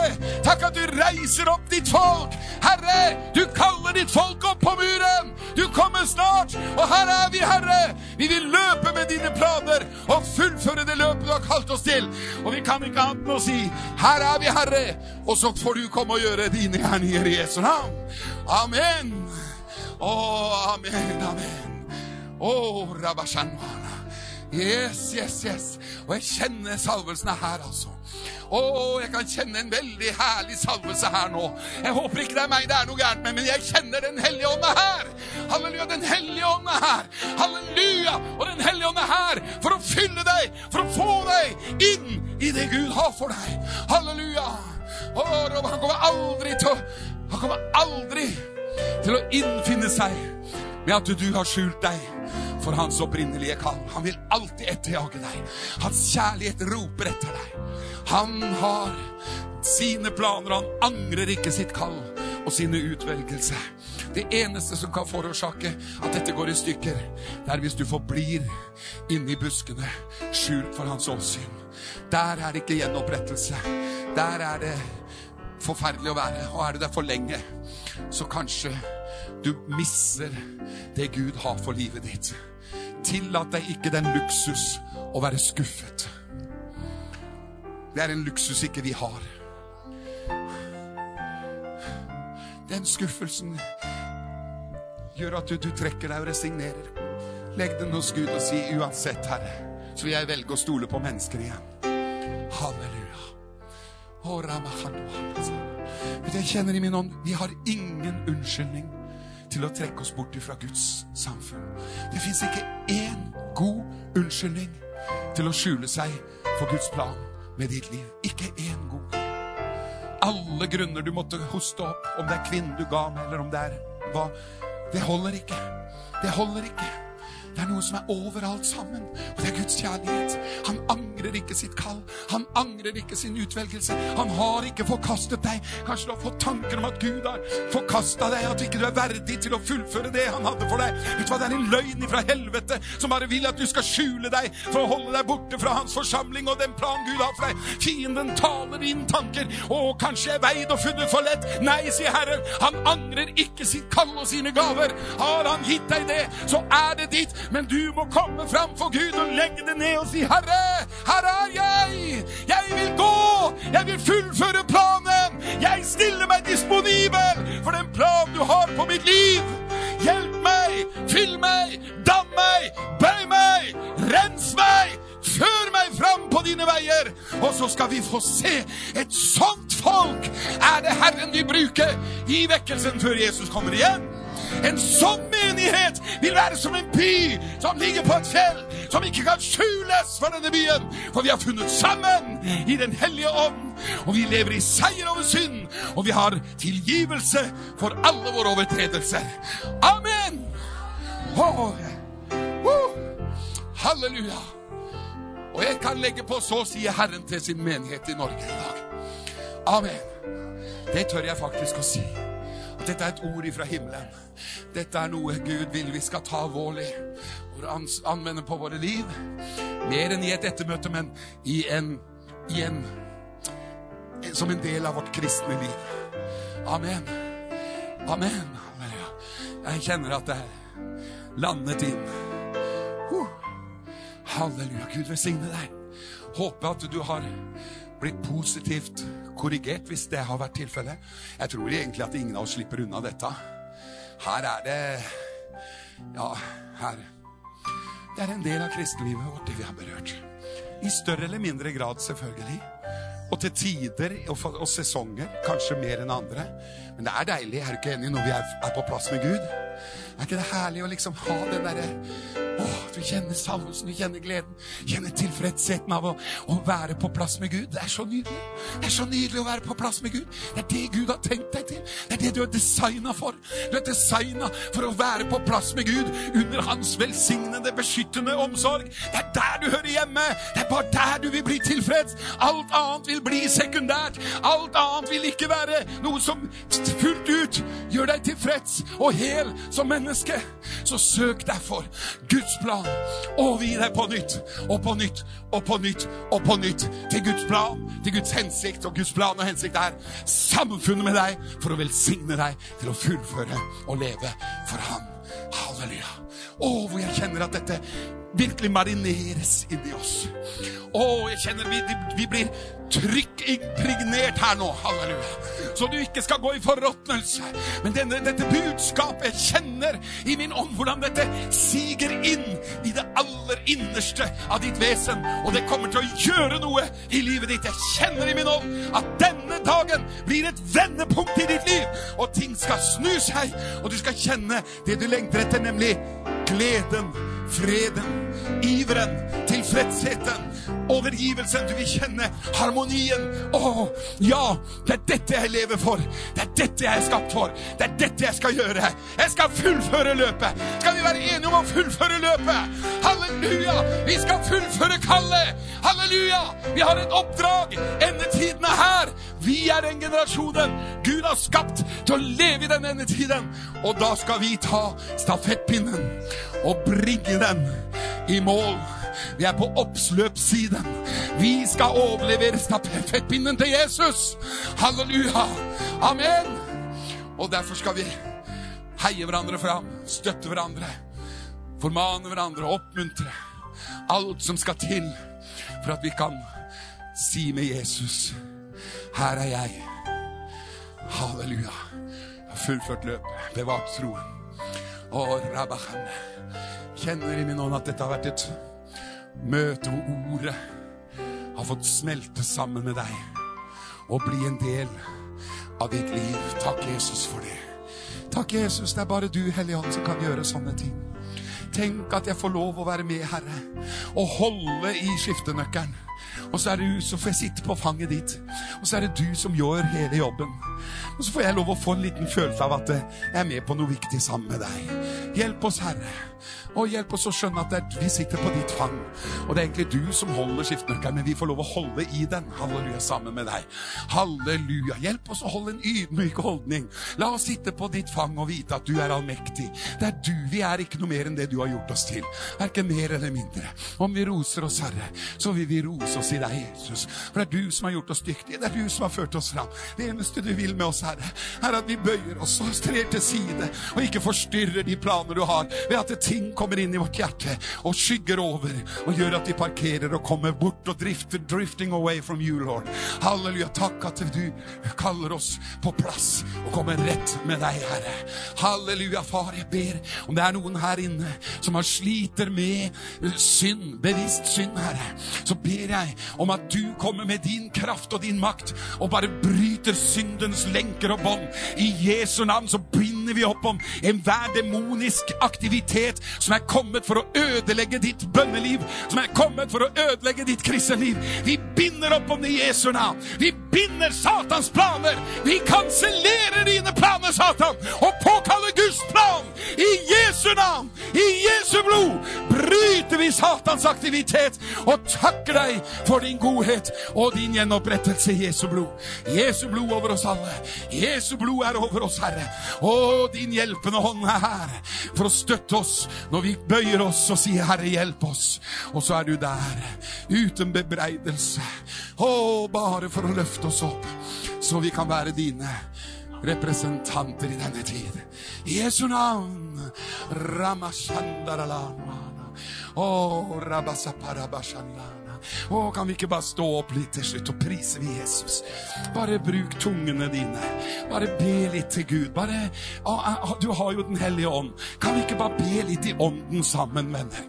Å, la oss bare bruke tungene litt. Grann. Bare løft dine hender og din røst til Jesus. Å, ramasaparamandi. Å, rabashipori pasta. Himaralahando. Å, Jesus, Jesus. Imarala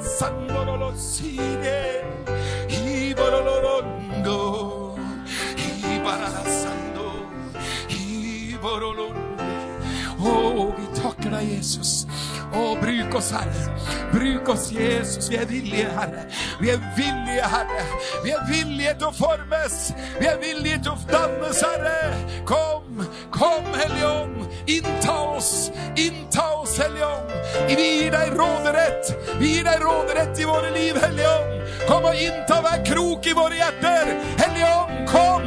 Kom og ta din plass. Kom og ta din plass, Hellige Ånd. Vi inviterer deg inn i våre svakheter, inn i våre hjerter, inn i våre liv. Kom og ta full kontroll. Hellige Ånd, vi bøyer oss for Faderens vilje.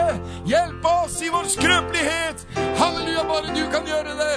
Men vi tillater deg det i Jesu mektige navn. I Jesu mektige navn. Robo shaba sibere. Herre, vi er her. Robo shonde tilgjengelig. Vi gjør oss tilgjengelige, Herre. Vi gjør oss tilgjengelige nå, Herre. Herre, vi stiller oss nå tilgjengelig for deg, for himmelen, for deg, Gud. Vi bøyer oss for deg, gjør oss tilgjengelige for deg. Herre, Herre, vi priser deg og takker deg og lover deg, du som er vår Gud og vår Far. I Jesu navn. Amen. Oh, Ramashaparabashanda. Oh, Rabasha presenduanas. Ebrese pashutare. Oh, Rabashondohare. Oh, Rabashandore. Vi bryter alle djevelens planer om å føre deg bort ifra Guds plan. Vi binder alle demoner som har kommet for å forstyrre Guds plan med ditt liv. Vi binder det, vi bryter det, befaler det og bøyer kne. Right now! Right now! Bøy kne, Satan, i Jesu navn. Vi løser deg ut til Guds plan. Vi løser deg ut i Jesu navn. I Jesu navn. I Jesu navn.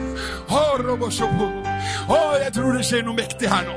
Å, jeg tror du blir satt fri til tjeneste nå. I Jesu navn. Vær løs, vær fri. Vær fri til å løpe. Å, med Guds planer.